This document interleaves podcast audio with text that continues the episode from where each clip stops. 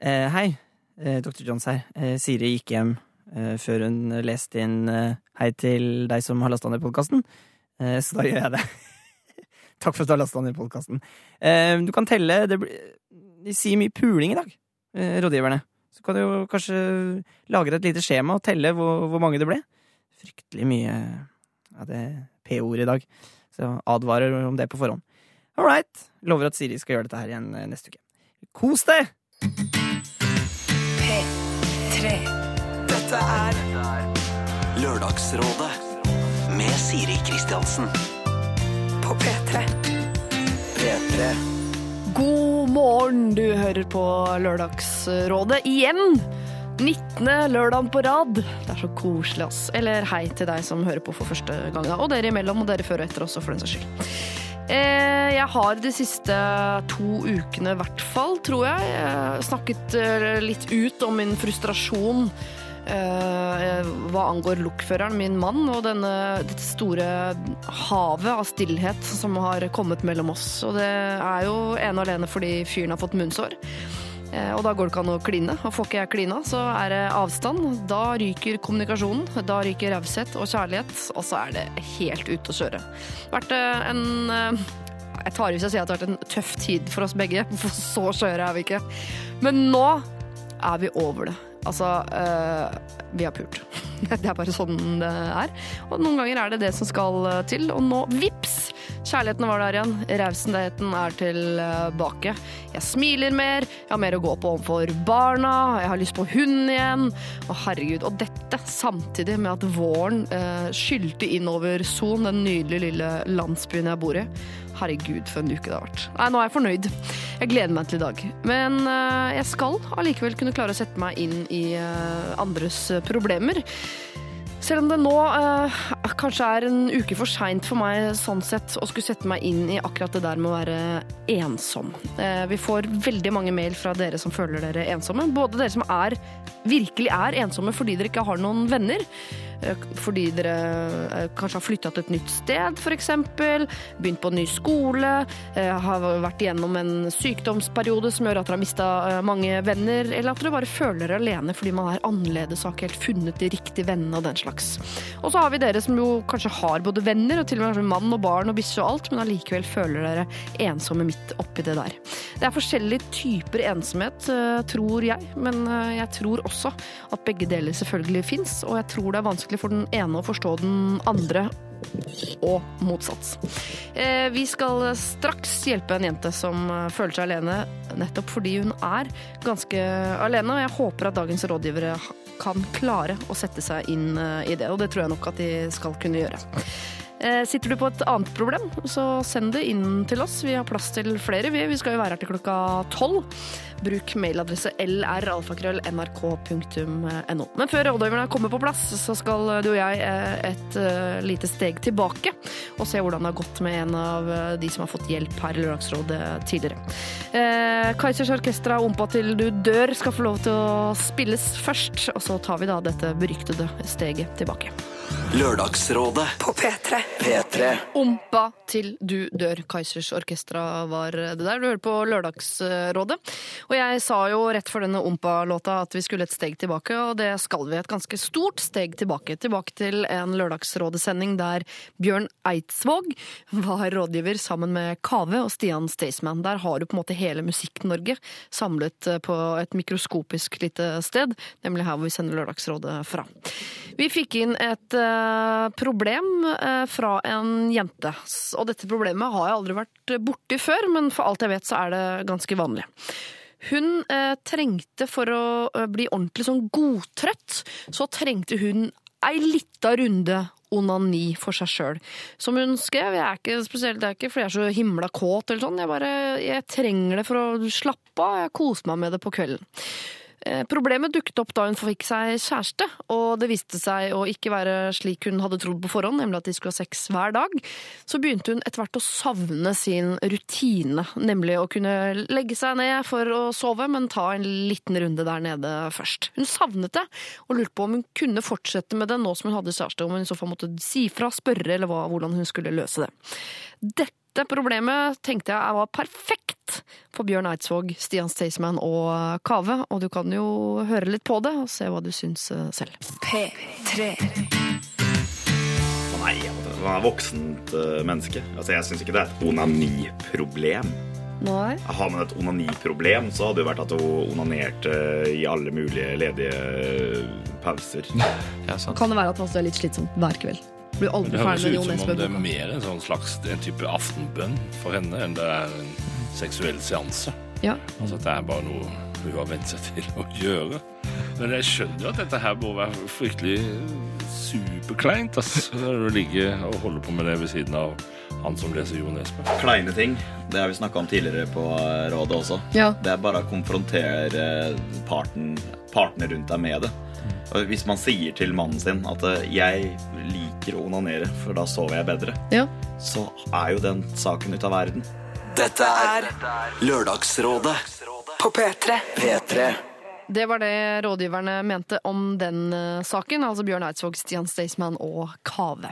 Vi har fått eh, mail fra denne jenta, og hun skriver Hei igjen, Lørdagsrådet. Da jeg skummet gjennom podkasten for en stund siden, var jeg helt sikker på at mitt problem ikke var med, men plutselig hørte jeg ordet onani, og hjerterytmen gikk bananas.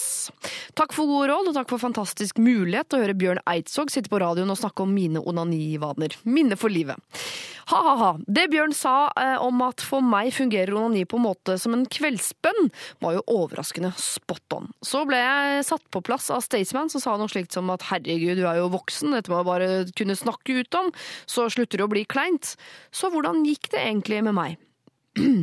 Jeg ble som sagt veldig opprømt, og dette ga meg litt behov for å dele med noen. Da var samboeren et naturlig valg. Så søndag kveld, altså den søndagen da, etter jeg hørte på podkast, tok jeg mot til meg. Sa til han at de måtte dele en flaske rødvin, og at jeg skulle vise han noe. Jeg hadde klar podkasten på riktig sted i sendingen. La telefonen på bordet og spilte i vei, og var rød som den rødeste paprika. Han tok det utrolig fint og sa at jeg må jo bare gjøre som jeg vil, og det plager ikke han at jeg onanerer på kvelden. Vi hadde naturligvis en litt lengre samtale om temaet enn det jeg finner nødvendig å gjengi her. Dette var jo fint å høre, men det ble ikke noe mer behagelig av den grunn, dessverre. Så på en måte kom jeg ikke så mye lenger i onaniprosessen min. Det skal sies at jeg av og til legger meg føran bare for å slumre inn på den gode, gamle måten. Uansett, dette var gøy! Hilsen ikke lenger ekstremt anonym jente 31. Åh, det er jo Altså, det knuser jo alle myter vi har her i Lørdagsrådet om at så lenge du snakker om det, så, eh, så går det bra. Altså, gjør det ikke det da likevel, for du har jo prøvd å snakke om det, og likevel blir det kleint å ligge der og holde på med han ved siden av. Og hvis ikke det funker å snakke om det, da kommer jeg til kort, altså. Da tror jeg eneste måten å gjøre det på er bare at du må gjøre det mer, mer, mer, mer, mer, mer, mer, mer, mer, mer, oftere, oftere, oftere, oftere, mer, mer, mer, mer, mer. Og på et eller annet tidspunkt så forsvinner det der eh, filteret av kleinhet. Og for alt vi vet, så kanskje du også er skikkelig drittlei og slutter med det, for alt vi vet. Ja ja, du får legge deg litt før innimellom, da, sånn at alle får i pose og sekk. Og så håper jeg at det løser seg på en eller annen mirak mirakuløs måte, på et eller annet vis. P3. Taylor Swift med sin style, og før det The Weekend og låta Earned It. Så i løpet av denne Dubla-låten eh, så har jeg fått besøk av eh, tre eh, rådgivere. Ikke til vanlige rådgivere. Stian Blipp, du er til vanlig programleder i TV 2. På kontrakt. På kontrakt. Men nå litt sånn på vent. Du har, altså, du har pause. Har du ikke gikk ut i pressen og sa nok er nok? Jeg Det- trenger en pust i bakken. Det, Jeg må få klare opp uh, dette her for en gang for alle. For jeg har aldri gått ut i pressen og sagt at jeg skal ha en pause. Nei. Dette her var et Instagram-bilde der jeg uh, skrev på slutten sånn Du, jeg tar meg en uh, liten pause for skjermen, straks tilbake igjen. Og så skrev VG Eller VG lå ut et bilde der jeg lå i sofaen min, så ganske sånn livløs ut, og så skrev det sånn Tar seg en pause! Sånn at det så ut som jeg bare sånn eh, hadde fått nok av alt. Og eh, nå Livslei en alder av 25. ja, ja, Og det Ja. var jo absolutt ikke Absolutt ikke tilfellet. Men du vet, VG er veldig glad i serier, og de hadde akkurat trukket, eller, eh, trykket den saken om at Truls Svendsen trengte en pause. Så tenkte nå lager vi en serie på TV 2-programledere som, eh, som er livsleie. TV 2-programledere. Ja, ja, ja, bare, nå, nå sitter vi bare nede i en sånn pub, hele, meg og Truls Svendsen, og drikker. Forteller skrønehistorier. Og det er jo TV-program for så vidt, det, da. Det er det. Sant? Ja. Eh, Anette Trettebergstuen, god morgen. God morgen. Har du ikke lyd på mikrofonen din? Nei, jeg har på nitrist. så lenge. Jonas. Der var vi i gang igjen. Eh, Anette Trettebergstuen, god morgen. God morgen. Hva skjer om dagen? Er den heteste politiske poteten du driver med om dagen? Ja, nå holder vi på med den der arbeidsmiljøloven. Ja. Um, den skal vedtas på tirsdag. Så jeg jobbet dag og natt og døgnet rundt i flere måneder med den. eh, Og, men vi får jo ikke noe gjennomslag for noe, så det er mye jobbing til litt liten nytte. For regjeringa vedtar den jo uten å høre på oss i Arbeiderpartiet, og det er jo veldig trist. Kan det hende at du velger som Stian å bare ta en pause? Altså, det som skal sies nå, at Anette pleier å sitte på kveldingen med Truls Svendsen og meg i en kjeller og Ja, vi er der allerede. uh, nå avslørte du det. Nei, men altså, jeg, poenget her er jo at uh, så Du sa nettopp at du jobbet på kontrakt og tatt deg en pause, men uh, problemet med denne loven her er at det kommer til å bli flere som må jobbe på kontrakter og kanskje ikke få seg arbeid. Så det blir mange i den drikkeklubben til det og Truls etter hvert. Jeg, gleder, jeg gleder meg allerede. Det, det er positive nyheter Stian Sører akkurat nå. Det er så trist å sitte sammen med Truls hele dagen. Bare Truls. Line Verndal, god morgen. God morgen. Er du midt inne i noe sånn opptrapping mot noe sommerspel nå? Ja, eh, først så skal jeg gjøre litt sånn type eh, gjøkeredde, faktisk. Skal jeg være hun derre slemme, slemme Nurse Ratched. Oh. Eh, og det gleder jeg meg til. Få lov å være superslem. Eh, sammen med noen unge folk som eh, driver med teater, Ja. som blir gøy. Og så blir det da eh, Lavransdatter, som vi har snakket om før, da. Ja. Til sommeren. Det var en avgjørelse vi tok sammen her i Lørdagsrådet. Det var det. litt- Ja, ja. Vi tok det på appen, gjorde vi Ja, det var litt, veldig dumt, for det er mange andre jobber som har røket pga. den måneden som forsvant. Så. Unnskyld, jeg beklager. Eh, men vi kan jo holde oss til deg, Line, med hva som skjer om dagen når vi skal nå inn i den sivile statusrunden som vi alltid tar her i Lørdagsrådet. Hvordan ligger du an der? Eh, eh, nei, fortsatt singel, altså. Ja. Eh, ja. Ikke noe Jo, leik noe. Er det noe Det er alltid noe. Er det noen halmstrå der? Hæ? Er det noen, hal noen kjekke halmstrå der Ja, ute? ja, ja. Men jeg, men jeg er litt usikker på hvor uh, keen jeg er på kjærester, for jeg merker at jeg unngår det litt òg. Så jeg, jeg, jeg, jeg sklir litt unna. Jeg syns det er så utrolig slitsomt med sånn datinggreier. Jeg blir så Det er som å være på audition, liksom. Jeg syns jeg hater det. Så Er, er du på Tinder? Nei, er du gal? Nei. Er du ikke? Man kan jo ikke være ikke. kjendis på Tinder. Da blir man jo hjelpurt på et eller annet tidspunkt. Herregud. Ja, det går ikke. Er du det, Stian? Det hadde vært veldig rart, siden jeg har, siden jeg har kjæreste. så ville det vært veldig rart. Jeg er enig i det, da. Ja, ja. Men bør man være der, liksom? Er det noe man Jeg skal? vet ikke, jeg har hørt rykter om at man bør være der. Nei, ikke gjør det, Line. Jeg Har du, har du vært der, Som Siri? en advarsel. Har, har, har du vært der, Siri? Nei. Nei. Så du har ikke peiling hva du snakker om? Det kan jo være det er en fest i farger.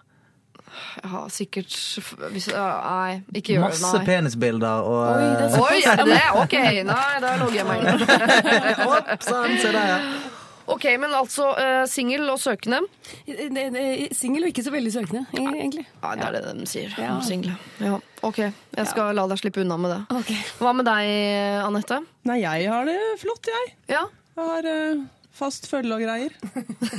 Fast følge. Så, ja, Du, du får det til å høres så romantisk ut. Litt for mye på Stortinget om dagen sammen med de voksne. Fast følge og Fast følge avkom. Fast følge og avkom. Du er lykkelig Nei, jeg er ikke, samboerforhold? nei, ikke, ikke, ikke det. Nei. Nei. Nei. Ja, for det er ganske nytt, eller? Nei.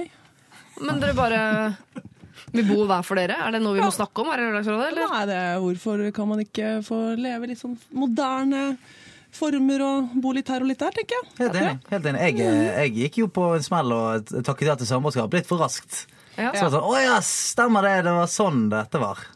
Og så røk det. Ja, nei, nei, nei det, det går veldig fint, altså. Det går veldig fint, Men jeg merket at det er jo veldig er Sånn som nå, eh, nå er jo min kjæreste på en liten sånn reise, og jeg, da koser jeg meg så jæklig hjemme. Jeg går rundt i bokseren, spiller musikk, og det er rotete. Så det er ikke sånn at du angrer og skal flytte fra henne? Nei, det er det ikke. Du får høre det på radioen. Forresten, jeg eh, Men det problemet mitt, da, det er så sykt deilig å bo aleine. Det er fantastisk. Det er fantastisk. Jeg orker ikke å tenke på at noen skal komme inn der og ødelegge dette. Nei, det Så sånn, kan du ha litt det beste av to verdener. Ja, sånn som Anette. litt, eh, Så jeg, bor jo, jeg har jo bodd i en bag i ti år. Det er der jeg bor. Ja. Så stort sett. Så jeg er jo fornøyd bare jeg kan få sove i en seng, si. Ja, for har dere avstandsforhold på toppen av det hele, eller bor dere i hver deres freshe kåk i Oslo sentrum? på en Hver måte? vår freshe kåk. Mm. Ja. Herregud, du har ordna det, Anette.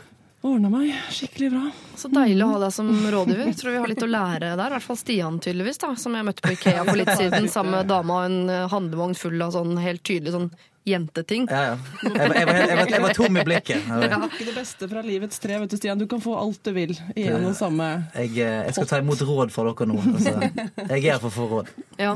Eh, Men da har vi jo egentlig sagt hvordan du ligger an sivilstatusmessig også. Eh, Samboer med en uh, ung, vakker pike. Yes. Ja, Det hørtes så rart ut å si.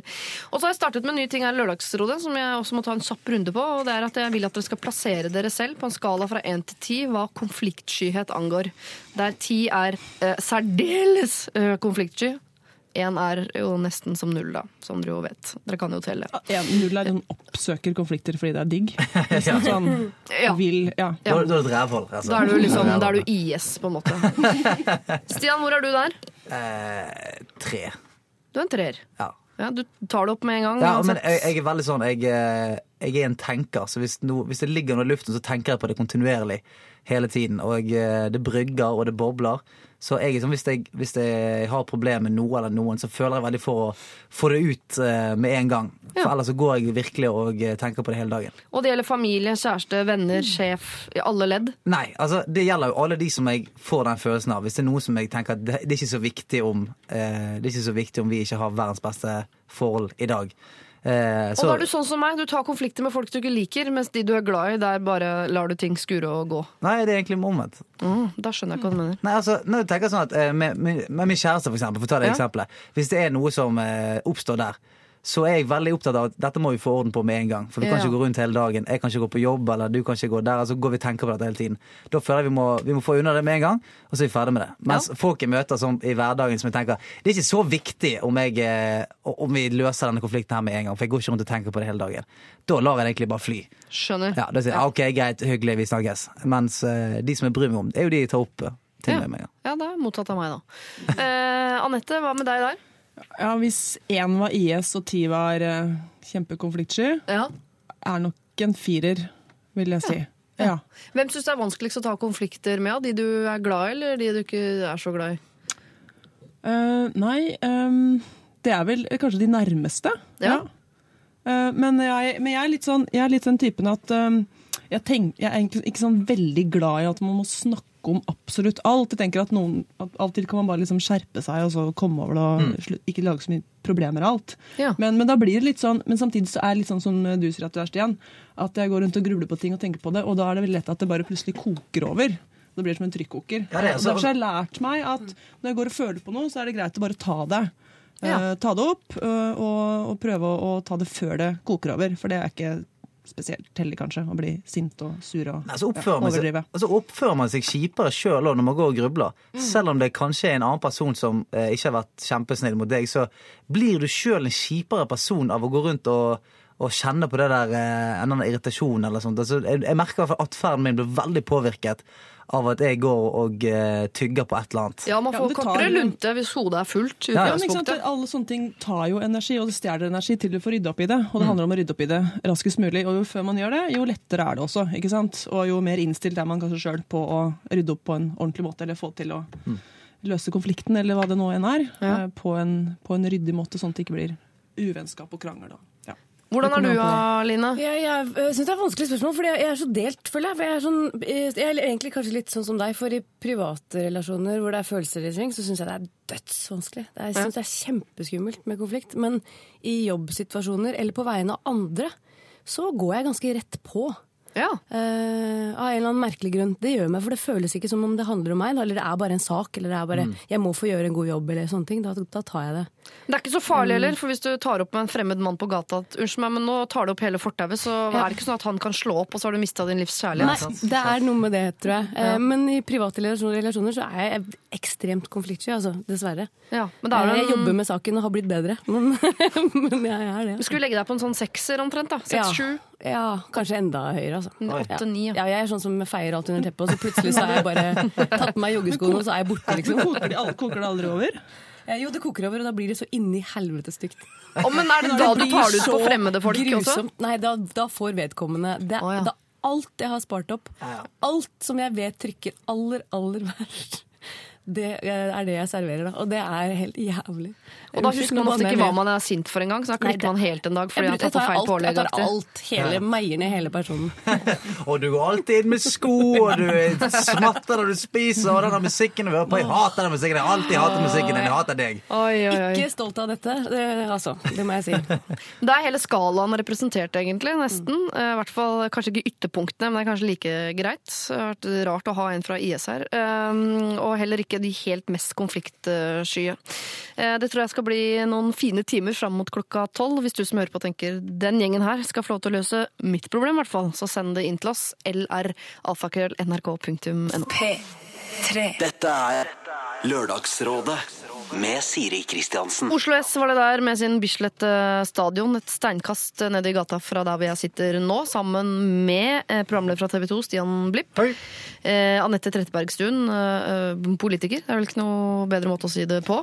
Rett og slett. Og skuespiller Line Verndal. Eh, her kommer morgenens første problem. Kjære Lørdagsrådet. Aller først. Jeg føler meg skikkelig ensom, og jeg er altfor mye alene. Jeg har noen få venner, men de er ofte opptatt med både barn og andre ting, og det er ikke jeg. Når folk spør hva jeg gjør for tiden, så unngår jeg, eller jeg føler at jeg ikke har noe svar på det, for jeg gjør jo ingenting. Men jeg vil ikke gjøre de som spør forlegne heller. Det er jo ikke deres feil at ikke jeg har et liv. Jeg er snart ferdig med utdannelsen min som lærer, og jeg aner ikke hva jeg skal gjøre videre. Jeg vet rett og slett ikke hva jeg vil bli. Både å eventuelt studere videre uten de faste studievennene og eventuelt starte en jobb virker skummelt. Hvordan skal man eventuelt starte ny jobb på studiestedet eller eh, på det lille hjemstedet mitt? Jeg tror jeg eh, kommer til å ha lite kontakt med eh, de på studiet mitt etter at jeg slutter å studere. For dem er jeg nok kun en trofast jente i gjengen som stiller opp med godt humør på skolen, men de har andre venner hver for seg på fritiden som har større betydning enn meg. Jeg kommer som sagt fra et litt mindre sted og har nok havna mellom to miljøer hvor jeg ikke har innpass noe sted. Enten så skal man være kristen, eller så skal man være i festmiljøet. Jeg er ikke en typisk festjente, men jeg orker heller ikke å gå på bedehus flere ganger i uka. Så jeg faller jo mellom disse to stolene, da. Jeg tror ikke det er noen som vet hvordan jeg har det. Det passer liksom aldri å snakke om det, og jeg vet heller ikke hvordan man skal begynne. Det er nok noen som vet at jeg er mye alene, men de tror bare jeg er sånn fordi det er sånn jeg vil ha det. I tillegg til dette fikk jeg meg en stor knekk for noen uker siden. Jeg hadde noe på gang med en fyr i to måneder, og endelig så det ut som om livet skulle ta endring på en positiv måte. Jeg var endelig blitt forelska, noe jeg sjelden blir, og han påsto selv at han også var det. Det var for godt til å være sant, og det var det også. Rett før det begynte å bli skikkelig seriøst, så ville han ikke lenger. Så da har jeg kjærlighetssorg i tillegg, da. Så hvor begynner jeg? Hvordan går man fra taper til en som klarer livet helt ok? Går det i det hele tatt an? Hilsen Andrine, ensom jente 25. Dette, dette virket som et veldig sånn mangefasettert eh, eh, problem. Det Ja. var, var virket som var mye forskjellige ting som kicket inn der på samme, samme tid. Men hvis jeg skal ta eh, det første først, så mener jeg at hun faller mellom to stoler. Hun, eh, hennes venner har barn, og de, altså hun, hun føler ikke tilhørighet til noe. Da. Jeg, jeg eh, ville jo prøvd å foreslå at man eh, prøver mange forskjellige ting. rett og slett. At Typ, man melder seg på kickboksing, man man, seg på male, malekurs. Man går på eh, alle de steder der man møter nye folk. Eh, jeg, altså, uten sammenligning for øvrig, men jeg, jeg flyttet til Trondheim fra Bergen.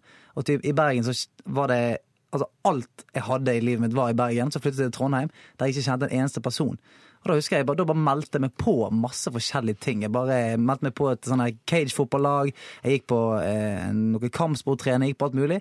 Og så Der møter du liksom hver uke noen nye folk som du blir mer og mer kjent med. Og så plutselig så er det noen som ber deg ja, skal du være med oss og spise i dag. Og så plutselig så har du blitt kjent med mange mange forskjellige folk helt sånn av seg sjøl, rett og slett. Ja. Uten at du trenger engang. Men da var ikke du ensom i utgangspunktet. Jeg tror nemlig hvis man, Hun her er antageligvis ganske uh, usikker og øh, Introvert, kanskje. Ja, og jeg, jeg ser ikke for meg at uansett hva slags sport hun starter med, så må hun først liksom gjøre noe uh, med måten hun henvender seg Altså- til folk på. For ikke så jeg tror hun har problemer med å komme i kontakt med folk. For det første, det høres jo veldig, veldig ensomt og trist ut. Jeg syns skikkelig synd på henne. Ja. Men så høres det også, Hun er 25, hun er ferdig med å studere, var hun ikke det? Snart. Ja, snart. Og alle venner rundt henne er i den fasen der de kanskje etablerer seg for barn. Så det er litt sånn, man kan ofte føle seg litt ensom da. Jeg har også vært der. At følte at alle andre var så mye lenger enn meg, og de hadde kjærester og begynte å få barn. og shit, hva skal jeg gjøre? Men, men hun er litt i en sånn fase der, der nye ting skjer, da. Så hun må jo eh, prøve å se framover og tenke at er, det er masse muligheter her. Men jeg syns det høres ut som hun kanskje Kanskje hun rett og slett ville hatt godt av å flytte. Flytte på seg, rett og slett. Eh, når hun Altså hjem igjen, utdannet- eller til enda et nytt sted? Kanskje enda et nytt sted. Um, ja, for det var, Hun bor ikke hjemme, nei. Nei, for hun kom Ja, fra et lite sted, og nå studerer hun i en, ja, en nettopp, større ja. by. Men jeg hadde, jeg hadde sånn, jeg bodde i Stavanger eh, og jobbet der da jeg var sånn nyutdanna. Eh, og da hadde jo alle familier eh, av mine kolleger, så jeg hadde egentlig ingen å være sammen med. Så jeg husker jeg hadde sånne kvelder hvor jeg eh, eh, sminket meg, gjorde meg i stand og gikk ut på byen. Og så Ja. tok jeg den runden på alle de stedene jeg visste om, og så møtte jeg ingen. Og så gikk jeg hjem igjen. Og så tenkte jeg det var ingen som så det. Jeg sminket meg helt forgjeves. Men det jeg faktisk gjorde til slutt, var at jeg gikk i den kuleste baren eh, i Stavanger. eh, Sementen, eh, som det var den gang. Jeg tror det er det fortsatt.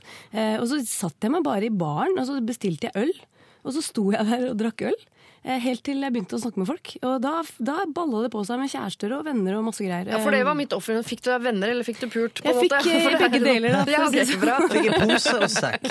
Så eh, Lille, lille, det er vondt liksom, i starten, men, men å utsette seg for du føler deg så utrolig sånn, trist, og her står jeg aleine. Men, men eh, det ble noe ut av det, altså. Ja. Men med, ar med arbeidslivet så kommer det jo både nye, nye bekjentskaper og nye venner, så kanskje, kanskje hun må tenke seg om uh, hva hun vil gjøre, om hun vil jobbe som lærer eller om hun vil prøve noe helt annet. Og så, øh, når hun nå snart er ferdig, kanskje til sommeren, da, få seg en jobb. Og da øh, vil jo kanskje mye endre seg. Da får hun noe å gjøre, blir mer opptatt, treffer nye folk.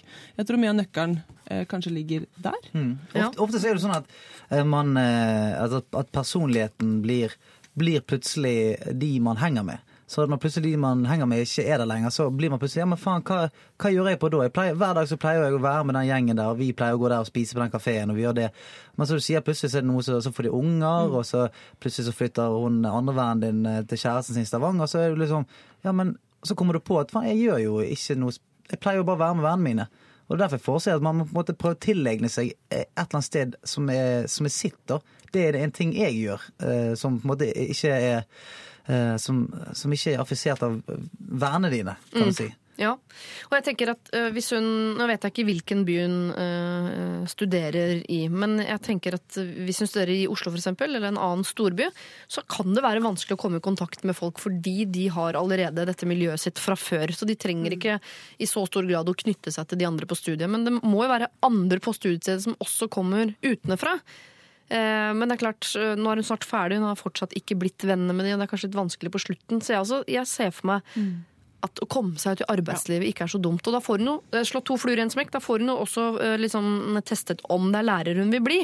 Hvis du studerer for å bli lærer, så er jo veien videre å bli lærer ofte. I hvert fall prøve det en stund, da. Jeg synes Det er så mange, det er et annet problem for sånt. Det er så mange som sender inn problemer hit til Lørdagsrådet som er snart ferdig med studiet sitt, og så veit de ikke hva de skal bli. Tenk sånn, Men skal du ikke bli det du, det du har studert? Skal ikke du prøve det litt? Grann, Det har ikke vært et forsøk på en måte. Så jeg også tenker å komme seg ut i arbeid ikke er så dumt. Men om det skal være der hun studerer, eller hjemme i bygda, det, eller en tredje, en tredje by, kanskje? Jeg tenker at du må i hvert fall, Alt virker, virker åpenbart litt håpløst for henne nå. da. Alle andre rundt har kommet så mye lenger. Hun har ingen å være sammen med, vet ikke hva slags interesser hun har. eh, Og vet ikke hva hun skal bli. kjærlighetssorg. Og kjærlighetssorg, ikke minst. Uff. Men hun må bare prøve å snu det, for her har hun masse muligheter. Hun har hele livet foran seg. Hun er snart ferdig med utdannelsen. Hun kan gå ut og jobbe, og har, det kommer til å bli superbra. Kjærlighetssorgen går jo over. Det, Ja, ja, ja. det gjør den jo alltid. Um, men eh, jeg tror nøkkelen er å få seg jobb. Det, med det kommer det selvtillit og Ja, for nye selvtillit er litt bekjentskaper. viktig. Er, for det er liksom, for hvis hun har nettopp blitt dumpa, da er du ikke på topp, liksom. Og føler deg ensom. Da er du ikke den som tør å liksom utforske så mye nye ting, kanskje. Men, eh, men det er Jeg tenker, ja, nei, jeg syns jeg syns faktisk også veldig synd på henne. Jeg tenker, shit, Det er vond, vond følelse, altså. Jeg vil si at nødløs, jeg vil si nødløsningen her er å gjøre som Line. Bare stille seg i baren og drikke helt til noe skjer. Enten så blir du tøff nok til å snakke med dem, eller så kommer noen bort og snakker med deg. Det Ja, altså det er faktisk krabbetegneteknikken. Ja, men jeg tenker også at eh, Hvis hun står alene i den baren, eller sånn som hun føler nå at hun står helt alene, så blir man ekstremt selvbevisst også og tror at det syns utenpå at man er ensom. Og det gjør du ikke, for det syns det er ingen som veit at jeg har det sånn.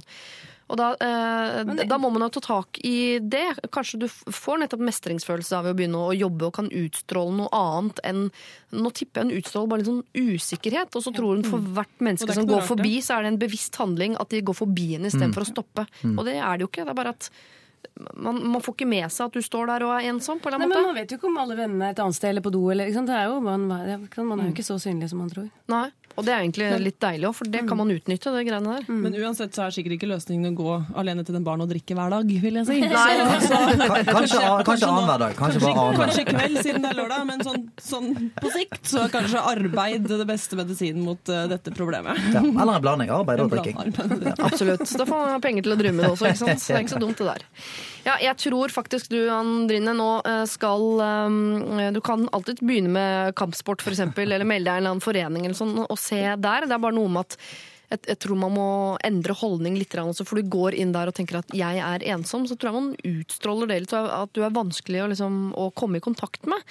Eh, Men prøv det. Prøv et eller annet som du syns er skikkelig gøy, som ikke er studier eller jobb. Og så når du er ferdig å studere, så prøv jobben. Da får du både prøvd om det er lærer du vil bli, og du får sett om det er noen der som du kan, eh, kan bli venner med. Og Jeg skjønner at man kan føle seg litt ensom på det studiestedet nå, når alle bare går hvert til sitt etter at man er ferdig å studere. Men vit i hvert fall det, midt oppi alt, at det syns ikke utenpå. Så selv om du nå føler deg ensom, så må du ikke tenke at det er noe alle går rundt og vet, og alle går rundt og ser. Så det greiene der, det kan du snu, men det er eh, vanskelig. Dette er P3. Chris Brown sammen med Tyga, det der var Ayo her i Lørdagsrådet på eh, P3. Og vi skal eh, faktisk ta et problem som er litt musikkrelatert. Eh, Ja, for, for det første problemet her, Tror du han heter Tyga, eller tror han heter Tiger?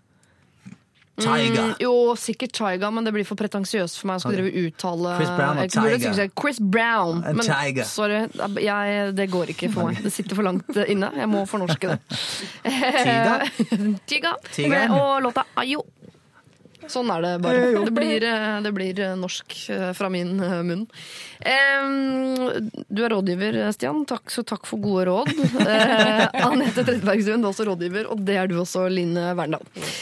Kjære Lørdagsrådet. Jeg har en kjæreste som jeg er veldig glad i. Nå i det siste har han laget en spilleliste med sanger som han syns minner om meg. Noe som er kjempehyggelig. Men da jeg fikk se denne spillelisten, la jeg merke til at det var noen sanger der som jeg trenger å rådføre meg litt med dere om.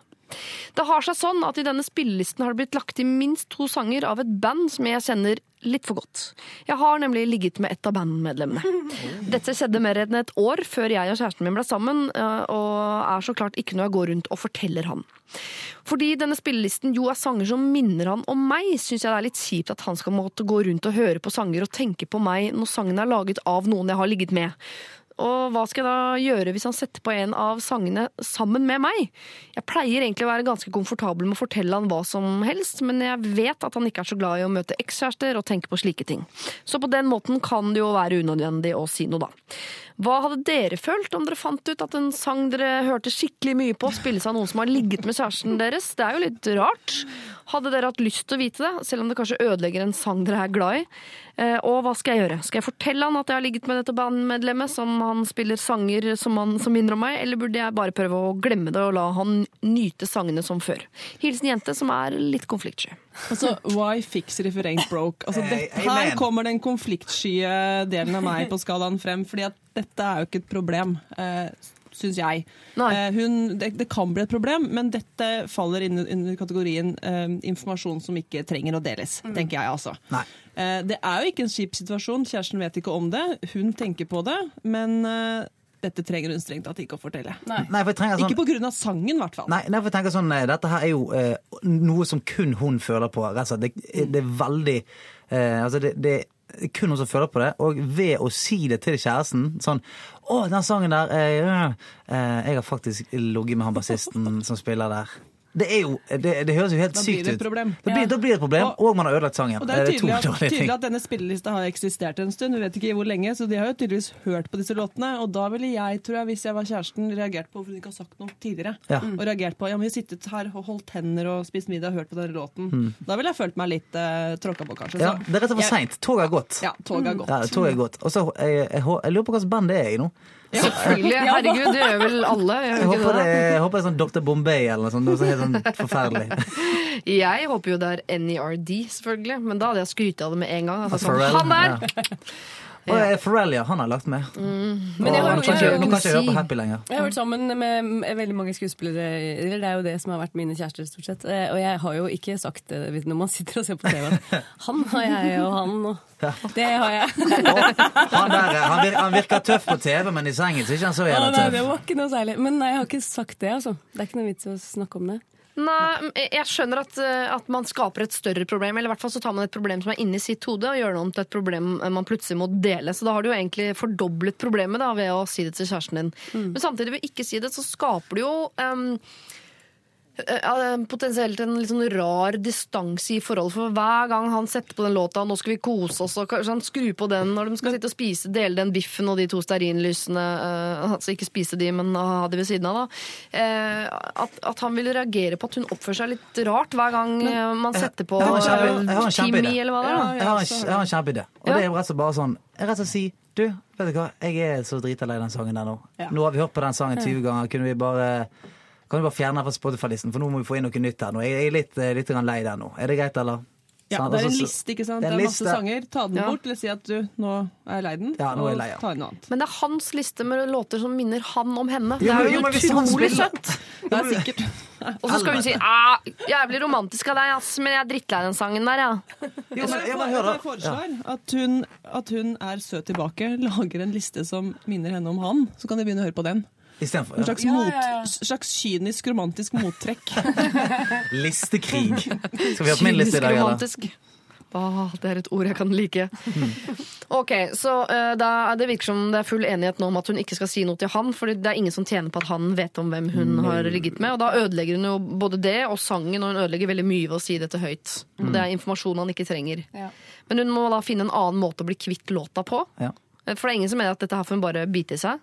Nei, Hun kommer til å bli kvitt den låten. Det er jo en låt med Spotify-liste. Eh, så jeg tenker at hvis du er en mann der ute, og det plutselig forsvinner en, list, eh, en sang fra listen din Da må de ha ligget med den artisten. Men du vet ikke om det er trommisen eller vokalisten. Eller alle. Du kan- det kan fort være alle. Ja, det kan fort være en gjeng også. Ja. Ok, Nei, men Det er jo grei skuring det, da, kjære deg. Du må ikke, for all del, ikke si noe til uh, typen din, uh, men du må finne en måte å fjerne låta fra spillelista på. Enten om du bare går inn og gjør det uten at han merker noe, eller si at du er lei den, eller at du ikke føler at den sangen passer ikke til meg, og den syns jeg du skal ta bort. Og i det hele tatt. Du må i hvert fall bli kvitt låta. For jeg skjønner at dette er et problem som bor inni hodet ditt, og som du ikke blir kvitt så lenge ikke du uh, blir kvitt låta. Så dette er rett og slett bare en sånn praktisk problem. Hvordan bli kvitt en låt i en spilleliste. Eh, og det er jeg helt sikker på at du finner en eller annen romantisk, kynisk måte å løse det der på. Har du et problem du vil sende inn til oss, så gjør det. Eh, Vår mailadresse er eh, lralfakrøll.nrk.no. Dette er Lørdagsrådet På P3. P3. Sia med Elastic, Elastic, ah, Elastic Heart var det. Og før det Massive Attack sammen med Elisabeth Frazier og deres Teardrop.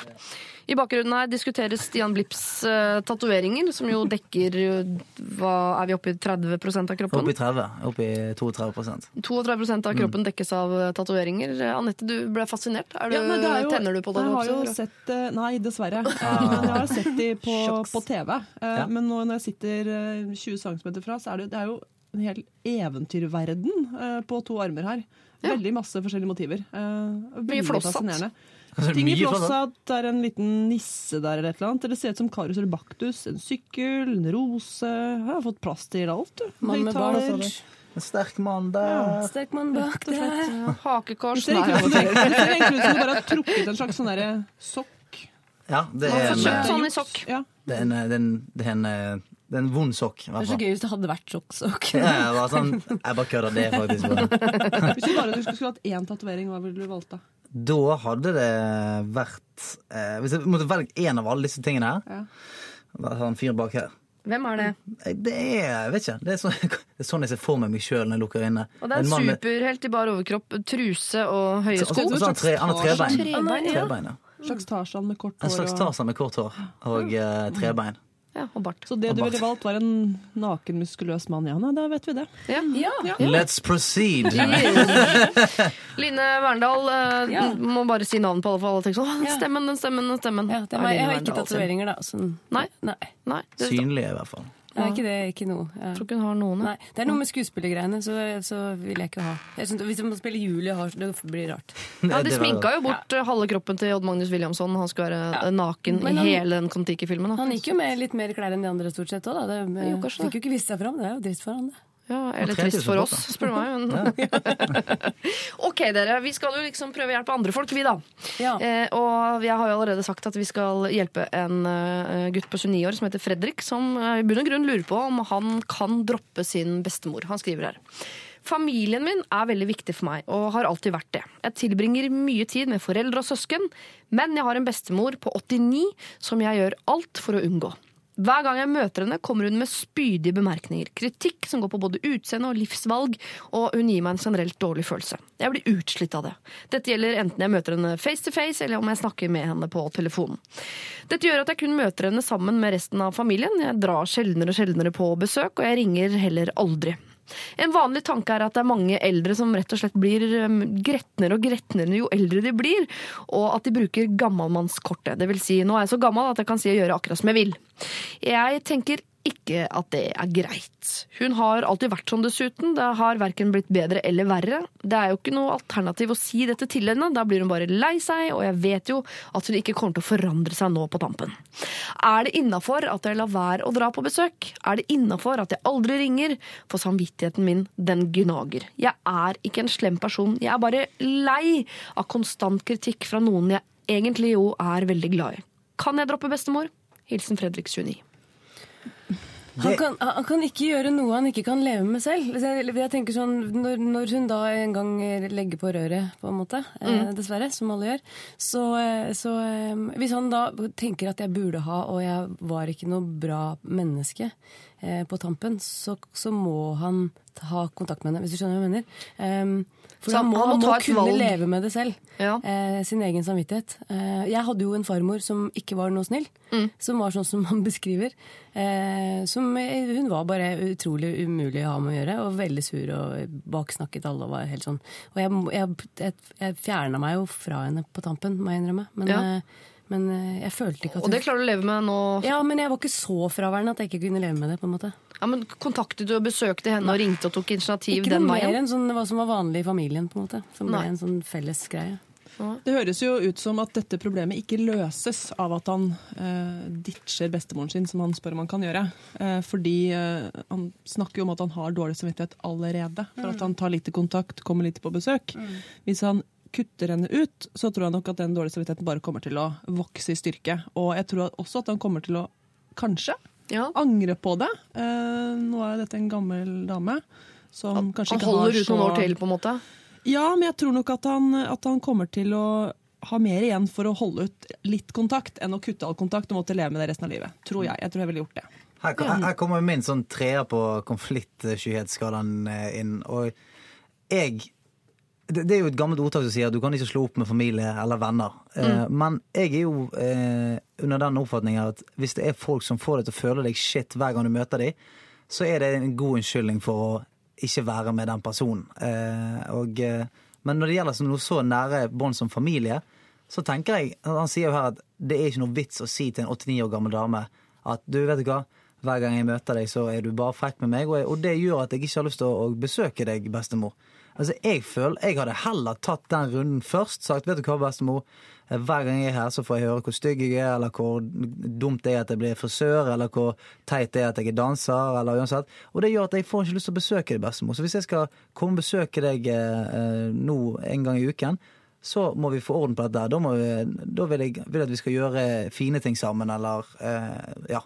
Bruke av tiden her. For det, jeg føler det er, han må, også som Line sier, at det, det er et valg. Enten så må du si sånn OK, Fuck it. Det, her er, dette er bare drit. Dette er et valg jeg tar. Eller så må valget være at vet du hva, jeg skal være der for bestemoren min selv om hun er kjip mot meg.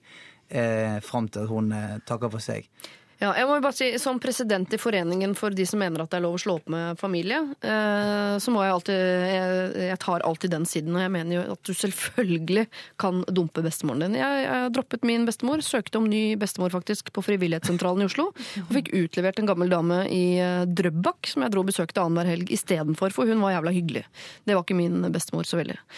Eh, og det mener jeg, og det er et valg jeg lever finfint med, også nå etter at hun var Eller nå etter at bestemor er død. Og jeg, så det, det går fint, men man må være klar over på forhånd om det er et valg man skal kunne leve med. Og jeg syns også Selvfølgelig skal han kunne si fra, selv om nei, hun forandrer seg ikke. Men grunnen til at hun har rukket å bli så jævla neget er fordi ingen noen gang har stoppet henne. Alle de gangene for alt sånn Å, det er bare bestemor. Ja, jeg ikke hør på hun. Bestemor er nå litt sånn. Hun er Ja, nå litt sånn. sånn er hun, og sånn er det, og det er ikke noe unnskyldning at man bare er sånn. Tenker, hun kommer antageligvis ikke nå på tampen av livet til å, å bli verdens beste menneske heller, men at hun skal få høre at du blir lei deg av at hun, eh, at hun slenger dritt og kommer med kritikk og sånn. Selvfølgelig skal hun få høre det, og så skal hun ikke skånes fra det. Og det at hun kommer til å forandre seg, det kommer hun ikke til å gjøre. Hun kommer ikke til å forandre seg, men at hun anstrenger seg for å forandre atferden sin i de- den halvtimen eh, som, eh, som barnebarnet er på besøk, det tror jeg er mulig. At hun tenker OK, shit. Ok, nå må jeg skjerpe meg litt og prøve å, eh, å være litt ekstra snill her. Men, hun forandrer seg ikke som person. Det er jo også, vi har jo ikke informasjon om om de bor på samme sted, om de bor i samme gate. Hvis han bor i en annen by, eh, om hvor mye hun forventer at han skal være der for henne, om hun har andre barnebarn osv. Selvfølgelig, er det- selvfølgelig skal man ditche familie som gjør en vondt. Eh, men, Ja. men jeg hører på eh, spørsmålet hans at han har allerede dårlig samvittighet. Ja, og så å ha sagt skriver han fra, jeg er og egentlig uten å ha veldig glad i slått henne. opp. Ja, Ja. egentlig veldig glad i henne. Så jeg tenker at, altså, eh, tenker at selvfølgelig han kan forsøke å ta det opp og si at jeg har noen regler, bestemor. Sånn og sånn må du snakke til meg, og sånn og sånn kan du ikke, Mm. ikke snakke til meg. Men så tenker jeg at jeg tror jeg selv ville valgt å ha litt, minimalt med kontakt, det jeg orka, Mm. uten å klikke, eh, for å ikke angre senere. Ja. Men, jeg, men en annen ting, for jeg oppdaget jo da at farmoren min hadde hatt, eh, etter at hun døde, hvor- eh, hadde hatt en ganske vrien oppvekst, og eh, muligens at hun ble slått av sin Det er en historie i et menneske som man gjerne ikke vet som barnebarn, for det får man jo ikke, man blir jo ikke fortalt disse tingene. Eh, og jeg ville ha prøvd å finne ut av hvorfor er hun så innmari bitter. Liksom? Hva er det som ligger For det fins jo Det her er skuespillerne i meg da, selvfølgelig, som begynner Ja, å lete etter beveggrunnene for ting. Men, men det er jo et eller annet i henne som gjør at hun er frustrert eller sint, eller som gjør henne sånn. Som det går an å prøve å finne ut av hvis han er glad i henne, da, hvis han orker å gå den veien der. Og så jeg blir man er nysgjerrig på om hun er sånn mot de andre barnebarna, eller om hun, om hun er generelt sånn som bare kritiserer, eller om det bare går utover Fredrik, 29. Men jeg tror um, Jeg, jeg syns det er helt riktig som du sier, Anette, at, at han må kunne leve med det valget. Og øh, hvis han ikke kan det, så, så burde han ikke velge henne bort, og kanskje bare heller ha minimal kontakt og sånn. Men hvis han først på en måte sier fra, da, sånn som du sier, Stian, og hun på en måte avfeier det og, og ikke forandrer seg og fortsetter å være like bitchy, så tror jeg valget om å bortprioritere henne eh, blir lettere. For da har han faktisk prøvd. Helt enig. Og så kan han jo ha selvfølgelig, Det er ikke sånn at han ikke skal bli med på familiefester, og sånn, men han trenger ikke å, å føle noe ansvar for å holde kontakt med henne. Men møtes de, så man hilser jo på familien sin, på en måte. Bare, Og så er det det da at eh, om hun skulle gå i pennalet, så er det det da at eh, hadde jeg, hadde jeg så, hva, hva om jeg hadde sagt fra, da? Altså at, at det er den der. Hva om jeg hadde spurt du, hvorfor er du så sur, og hvorfor er du så vrien mot meg hver gang jeg er her? Kanskje jeg hadde fått et svar, da. Og, og det er jo greit. Jeg, jeg hadde utforsket den muligheten før jeg hadde kuttet Ja, kontakt. kanskje snakke med foreldrene sine også, om de er av samme oppfatning og kanskje har en idé om hvorfor. Om det er mulig å endre. ja. Jeg tror det, Fredrik. Eh, ta det i den rekkefølgen. Prøv å finne ut av hvorfor hun er så sur, ved rett og slett å konfrontere henne med at du opplever henne som en At, eh, hun, at du blir utslitt av at hun oppfører seg på den måten mot deg. Og er det en historie der som rettferdiggjør hennes oppførsel, så er jo det fint for deg å vite. Fortsetter hun å oppføre seg eh, dårlig mot deg, ja, så har du all mulig støtte på at det er lov å, eh, å slå opp eller droppe din egen bestemor. Men du skal vite at det valget med å droppe blir lettere ved å ha konfrontert først, og det er også et valg du skal være klar over at du må leve med, også etter at bestemor ikke er her eh, lenger. Lykke til, Fredrik. Dette er Dette er P3. P3. Coabs var det med sin eh, walk her i Lørdagsrådet, som driver nå og nærmest varmer opp for å straks skulle kaste seg inn i et problem som omhavner eh, Omhavner, Ja, er det er et ord? nytt, det. Nytt Det er ord. veldig nytt, ekstremt nytt ord. Som omhandler annet det å være nymfoman. Eh, og jeg skal ikke spørre dere om dere er det, så er det rådgivere. Nei, det skal man ikke gjøre. Spør om det, Men da. er dere Ja! Alltid hatt lyst til å si det. Brenner inne med det der hele tida. Men er dere komfortable med å snakke om sånne ting? Eller er sitter dere nå og gruer dere, eller tenker dere at dette blir eh, moro? Jeg nærmest gleder meg. Du må ha en slags sånn ironisk distanse til det, føler Ja. jeg. Ja. Ja, sånn på priva privat, privaten, og det må si, så er det ikke noe problem, men dette er radio. Da blir Ja. det litt ja, Nymfomani er vanskeligere. ikke noe problem på privaten. Nei, er da kan jeg snakke om eller? eh, Nei, men sex generelt, da. Det er Ja. veldig lett å snakke om. Men eh, med en gang det er kringkastet, så blir det litt skummelt. Blir det lettere hvis jeg sier at for noen uker siden så uh, snakket eh, Bjørn Eidsvåg høyt på lufta om uh, uh, en jente som skrev inn at hun måtte onanere hver eneste kveld? Ja. Det snakket Nei, Bjørn Eidsvåg om. Ikke så okay. veldig mye enklere, kjente jeg. Det gjør det ikke noe enklere. Forstyrrende, kanskje. Nei, nei, da, men dere er i hvert fall forberedt på hva vi skal begi oss ut på etter at jeg har hørt Jerry Folk sammen med BB Diamond. Dette her er So Long. Lørdagsrådet På P3. P3.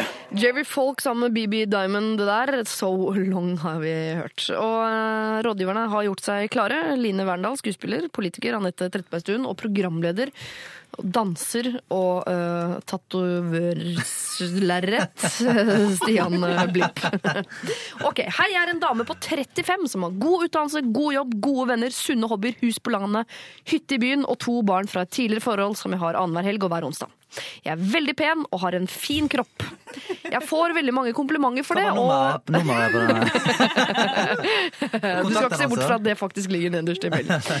Eh, Jeg får mange komplimenter for det, og for at jeg ser ti år yngre ut enn det jeg egentlig er. Jeg er flink til å lage mat, jeg er snill, jeg er sjarmerende, jeg ler mye og alltid i godt humør. Jeg tror jeg har de fleste kvaliteter en mann er på jakt etter. Men jeg har et lite problem. Jeg er sexavhengig. Vent litt, det er ingen, det, det, dette er jo en kjempekontaktannonse. Jeg er dritpen, jeg ler høyt og er koselig. Vet du hva? Eh, Og det eneste, eneste som er feil med meg elsker sex. Må ha sex hele tiden. Med min deilige kropp. Ja, ja, min deilige kropp, den må ha deilig Men hør nå, vi, vi må bare eh, la henne få snakke ferdig her. Er veldig, vi må være spent på fortsettelsen. Jeg vil helst ha sex minst én gang om dagen. Dette er litt slitsomt når man er singel, for mye tid går med til å avtale eh, med pulevenner og finne eh, nye når de finner seg kjærester, og jeg får nesten ikke tid til annet. Nå har jeg lyst til å få meg kjæreste selv, men det byr på problemer. Når jeg er på date, blir jeg ofte veldig kåt, og jeg har et eget blikk som sier 'kom og ta meg nå, jeg vil ha deg'. Det ender med at vi har sex, og så blir det enten ikke noe mer, eller så blir vi pulevenner istedenfor. Jeg tror jeg hadde hatt større sjanse hvis jeg hadde blitt kjent med vedkommende først. Jeg er en ordentlig dame, så jeg har alt på stell. Jeg er så grenseløs kåt. Det hjelper ikke å onanere meg til orgasme før jeg går på date heller. Det gjør meg bare enda kåtere. Har dere noen tips? Med vennligst hilsen Nymfo Nina. Det er lov å flire her uten å føle seg fjortis, men, men skjønner du, når vi nå har lest hele mailen at det er et problem? For det hun, det, altså hun, er, eh, hun er jo kåt som et fyrtårn, men det hun egentlig vil ha, er kjæreste. Og da står det fyrtårnet faktisk litt grann i veien. Ja, sånn helt i startfasen der. Ja. Ja, skulle, altså, det hadde, hadde, hadde bra tror jeg kunne det kommer til å gå greit. Jeg, altså, man, skulle, man skulle kunne skru det av bare i sånn et par dager, og så bare skru det på på full styrke igjen. Ja. Men det er vel vanskelig. Men eh, her, her er det vel en Altså, eh, nymfomani er jo en eh, Det er jo en avhengighet. Ja. Altså, eh, og avhengighet er jo noe man ikke kan bare si sånn OK, en uke nå så skal jeg ikke være avhengig. Nei, det så ikke. det er jo eh, det eneste løs... Altså ikke eneste løsningen, men den første løsningen som, som er det- og den kanskje enkleste, er jo på en måte å kjempe mot de instinktene så hardt som overhodet mulig. eh, med, med den eh, intensjonen om å bli kjent med en person før man slipper det løs. Men faen heller, det er som sagt Det, det er en avhengighet, så det er ikke noe, det er ikke noe lett løsning. Altså. så jeg, jeg må trenge litt tid å tenke på den her, faktisk. Men sånn datingmessig, hvor lenge skal man liksom eh, vente? Det er jo ikke vanlig å vente dritlenge lenger. det er bare- det er, tre- det er tre Men- timer, sant? Ja, det er liksom Tre timer. Tre eller, timer. eller kanskje en kveld, liksom. Er Ja. det ikke det? At man den første kvelden, eh, da må man vel klare å prate istedenfor å kaste det over Ja. eh, vedkommende. Er det ikke ofte den første kvelden man nesten har mest lyst til å ligge Jo, sammen? da? For det er så Jo, jo. spennende og nytt, og det er da man bare har lyst til å kaste seg Men jeg må over. innrømme at jeg, jeg har liksom bevisst liksom dratt hjem. Så nå skal jeg hjem ha det Men Selv om jeg egentlig Ja. kanskje har lyst til å være med. Man har jo lyst til å ha sex selv om man sier man skal gå hjem. Man gjør jo det egentlig bare for at ok, det er vel lurest å gå hjem nå, men Ja. man har jo egentlig lyst til å ha sex. Men så får vi se. Blir det noe, ikke sant? Det Blir, det- hva skjer i morgen? eh, Ikke sant? Fortsetter Ja. vi med dette, eller hva? Det er jo veldig mange som ligger sammen på første daten. Mm. Og er kjærester etterpå. Ja, ja, ja. Så kanskje hun bare ikke har møtt den rette daten, da. Ja, Altså, hvorfor, skal det, hvorfor, skal det, hvorfor skal det, ikke kunne bli kjent etter å ha ligget sammen på første daten? Hvis hun ikke klarer å la være, og han åpenbart vil, hvis hun ikke forgriper seg på folk, da, men det antar jeg hun ikke gjør. Det er ugreit. Da blir det ikke noe love. Men, eh, men hvorfor skal det være Jeg skjønner ikke akkurat hvorfor det skal være en hindring. Eh, Det virker som at hun, hun mener selv at når hun har ligget med de første kvelden, så er det ødelagt. Ja, hvis ikke hun har Hvis hun sier sånn, jeg har kåteblikket og er så kåt at det, altså, det virker som hun nærmest sitter på andre siden av bordet med tunga på haka og sitter og, som en sånn bikkje og tenker sånn Herregud, nå er det fem minutter til daten. Eh, eh, slutt å drikke øl! Vi må bare komme oss i den nærmeste taxi. Hvis er så, og, men hvis det er så ille, da, må hun, da bør hun jo kanskje tenke på om hun kan få hjelp. Ja, for Fins det eh, noe sånn metadon, holdt jeg på å si? For, Nei, men det eh, finnes jo nymfomane? Man kan jo, kan jo av, eh, avvenne seg enhver avhengighet og få hjelp til det av profesjonelle. Altså, hvis hun ikke klarer å møte en mann i fem minutter uten å hoppe på han, så er det kanskje en plagsom avhengighet. Ja, det høres jo litt Men hvis hun, liksom, hvis hun ikke hopper på eh, over bordet og velter bordet og ølen og sånn, og forgriper seg på han, men klarer å liksom sjekke han opp på en naturlig måte første kvelden, så, så skjønner ikke jeg hvorfor det nødvendigvis skal være et problem. Kan vi spørre mannen, mannen her, da? Hva, hva, tenker du når du er på date med en eller annen som du syns er Hun er jo dritpen og dritt, alt er jo supert. Ja, ja. Eh, eh, ville du foretrukket, hvis du, hvis du tenker at du skal være seriøs, Ja. eh, og kjøre på med en gang, eller vente litt, eller hva er greia? Altså, jeg er jo eh, Jeg hadde ikke hatt noe problem med å kjøre på på første daten. Fordi at, som du sier, ofte er jo det at man på første daten går hjem eh, mot sine egne instinkter. For hele kroppen og alt sier 'faen, jeg har lyst til å eh, bare være med denne personen her eh, så lenge som mulig nå'. Eh, men så sier man 'ok, men kanskje det er lurt', og så begynner all den der eh, eh, Taktikkeriet ja, så begynner, begynner, begynner urmennesket å måtte stå til side. Sant? Og så må man begynne å liksom tenke ok, hva er lurest. Tror han at, at kanskje han syns det, eller kanskje hun syns at jeg er en litt sånn her player hvis jeg blir med hjem først. Altså alle de tingene der. Så jeg syns jo at man skal følge liksom eh, magefølelsen og, og bli med første gang. For jeg tror Det er bare et spill for galleriet. Jeg føler ikke det forandrer et eller annet. Jeg tror det er den prosessen i etterkant som For jeg liker det du sier, Anette, med at eh, jeg kan ikke skjønne at det er et problem. Altså, Det virker fordi- som det er prosessen etterpå. Ja, Enten så er det et problem for henne, som er jo litt snodig i og med at hun er da sexavhengig og ønsker å ha sex hele tiden. Men hvis, hvis, hvis disse eh, ene datene da, med ligging samme kveld eh, har blitt avbrutt fordi at han har syntes det har gått for fort, ja, da vil ikke de passe sammen uansett, tenker jeg, med hennes eh, syn på sex og sexavhengighet. Godt Da, da er han ikke rette fyren. Men stort sett så bør ikke det være noe problem. Og så har jeg også en mistanke om at den der gamle myten om at hvis man gjør det på første daten, så blir det ikke noe. Jeg tror på en måte allerede før eh, man ligger sammen første gang, nå, så har man gjort sammen et lite inntrykk om om dette er en for kvelden, eller om dette er en for livet. Og hvis du har gjort opp med herregud, dette kan være dama i mitt liv, så kan, hun, kan man like seg uh, bjuda på å ligge med hverandre, og så er inntrykket det samme dagen etter. Men hvis man i utgangspunktet har gjort opp eh, mening sånn dette er ikke kvinnen i mitt liv, ass. Men vi kan godt ligge sammen. Eller andre vei, dette er ikke mannen i mitt liv. Vi kan godt ligge sammen. Så er det noe man har bestemt seg for før man går til sengs, så, så er det ikke så mye å si. Men det, men det er jo det, så, altså, jeg tror at når hun våkner opp dagen etterpå, og de går hver til sitt, så tror jeg det, at det, måte, kanskje det er der nøkkelen ligger. Om hun da på kvelds eh, skriver 'du, nå har jeg så lyst på deg, skal vi møtes og, og ha sex', eller om hun, om hun sender melding 'du, eh, skal vi stikke og spise i kveld', eller 'skal vi gå og stikke og se noe', eller skal vi gjøre Altså at hun, eh, hun byr opp til en annen dans enn bare sex hele veien, da. For det, det er jo da man kommer inn i den, den pulevenn-kategorien. Ja. At hver gang det er en henvendelse, så er det klokken halv to om kvelden. Eller hver gang det er en henvendelse, så eh, omhandler det du skal vi møtes der og der, eller bare, kan, du, kan du komme hjem til meg nå, og så har man sex, og så forsvinner man igjen. Altså Jeg tror det er den, hele den prosessen i, i etterkant av den første daten som er viktig. Ja, og så tror jeg helt riktig som Anette sier også, at eh, hun, en nymfoman kvinne kan ikke uh, bli sammen med en fyr som syns det er uh, litt sånn At det blir feil å ligge sammen på første ja, daten. nå er jo Altså, litt voldsom. voldsomt. Det var litt mye nå. Men hva med, kan hun foreslå noen aktiviteter de kan gjøre sammen, hvor nettopp det der med å ligge sammen kanskje er litt vanskelig? Fallskjerm. Jo, men jeg tenker sånn eh, det, altså, man, det er ikke overalt og i alle sammenhenger det er like lett å, å gå til Mye klær og sånn er et sted med Mye kald. skitur. Ja, sånn type ting. Skitur. på termodress, møtes på T-banen. Altså, ja, Ja, men skitur er ikke dumt, altså. Skitur, Nei, det er det er veldig uh, vanskelig å ha sex oppi eh, bakken der med syv lag med ullvangundertøy og alt Ja, jeg er mulig. Ja, og ellers kan man bruke det Else-trikset i boka som jeg brukte når jeg ble med min lokfører hjem da, for tusende gang. Jeg tenkte den gangen her så skal det ikke bare ebbe ut i at vi to skal ligge sammen og ikke se hverandre noe mer. Jeg skal ha kjæreste, og det skal være deg. Gammel historie, lytterne veit om dette. Eh, Så sa jeg sånn, men du, ja, greit, jeg kan være med deg hjem eh, i kveld, men jeg har mensen.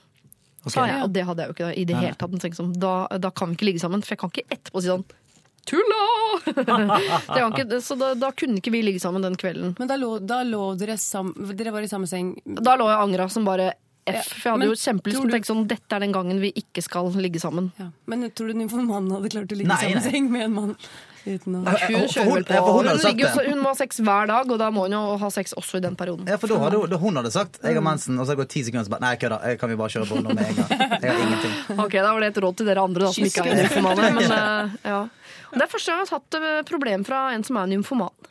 Ja. Altså, det, var- en, en artig verden å befinne seg inn i et lite øyeblikk, men det høres ut som om løsningen her egentlig bare er å, eh, å ligge på på første date. Hvis det er det du har lyst til, så er det det du må gjøre. Men ta og så, fokusere litt på de greiene etterpå også. Foreslå noen aktiviteter som kan minne om noe annet enn bare det å ha sex. Da. Ja, for gå en tur i skogen, eller Ja. gå på restaurant, eller gå på kino, og gjør det. eh, Bli kjent. Fordi, ja, Samtidig som hun har masse kommer, sex. hvis hun kommer over den kneika der, så vil ikke hennes avhengighet være et stort problem i det videre Nei, forholdet, tror tror jeg. det. Nei, og sjansen, sjansen for å møte en mann som liker en snill, sjarmerende, eh, vakker dame som vil ligge sammen hver dag og elsker å lage mat. Og, altså, det burde kunne gå an. Du må bare over pulevennkneika.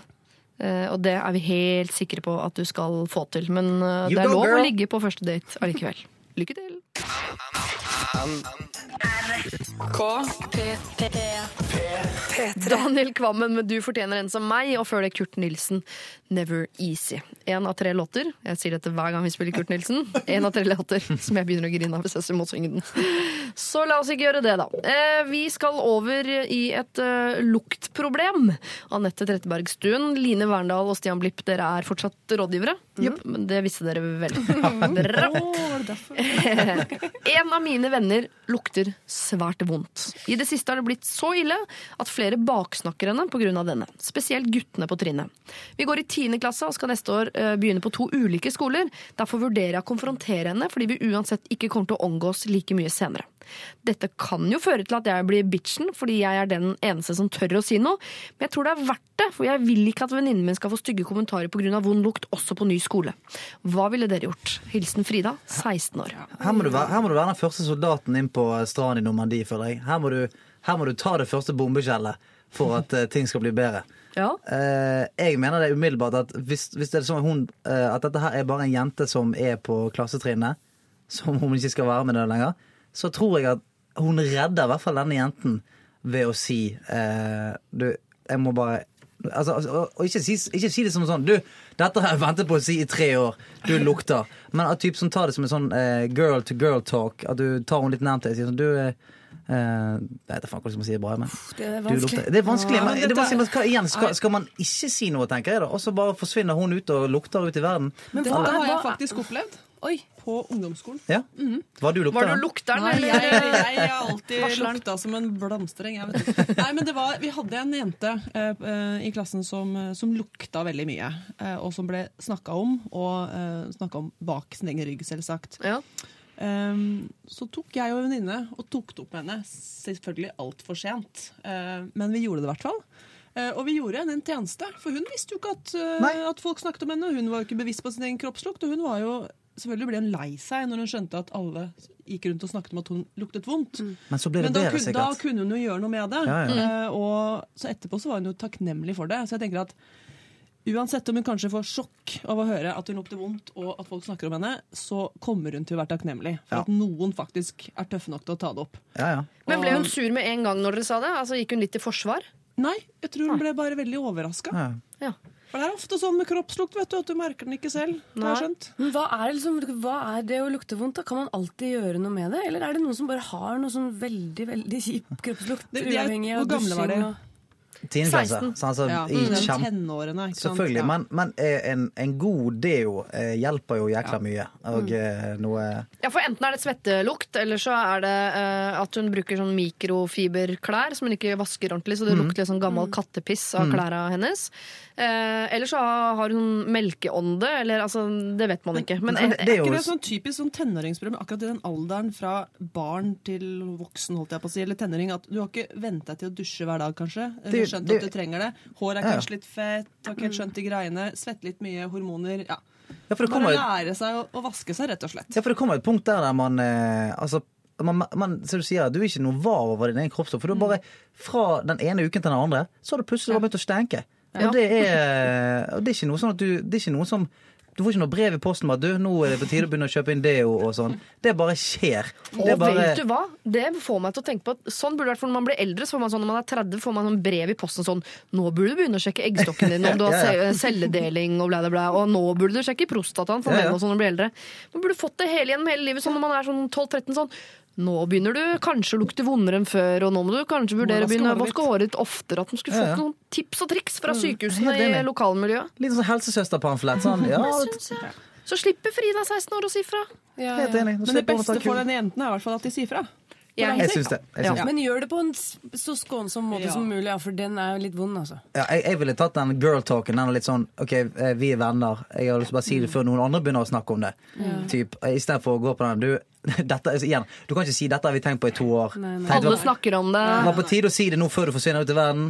Ja. You stank. Du kan ikke si det. Da, blir det. da er det dårlig stemning. For da begynner du plutselig å tenke på 'Å, herregud, tenk på alle de settingene'. Du må si det som en sånn eh, at Det har ikke vært At du noe har lagt merke ja, det har ikke vært noe lenge, men jeg bare tenkte det kan være greit å være litt sånn føre var på det. Og ha noen tips og råd og ta det på den måten. Ja, rett og slett. Men hun skal vel være forberedt på, selv om nå høres ut som i ditt tilfelle, Anette, at hun tok det veldig pent, den jenta, da. Men mm. Frida her skal vel være forberedt på at den jenta også kan reagere på alle mulige slags måter. Så hun må være forberedt på å nettopp være førstemann opp på Normandie-stranda, liksom, som, som sier at eh, du lukter vondt.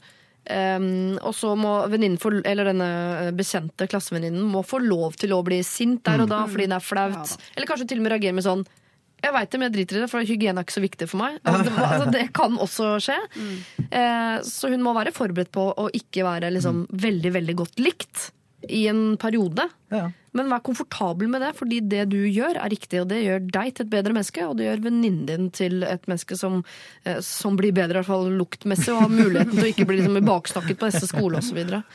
så ja, In the long run, good deal. Ja, det, Ja. kan, det kan jo være at hun har lukta for å sitte alene på skolebussen. Det vet vi ingenting om, men det kan være greit å si det. Ja. Si det tidlig. Eh, Frida, jeg tror jeg avslutter med ordene til Anette der. Altså, in the long run, good deal.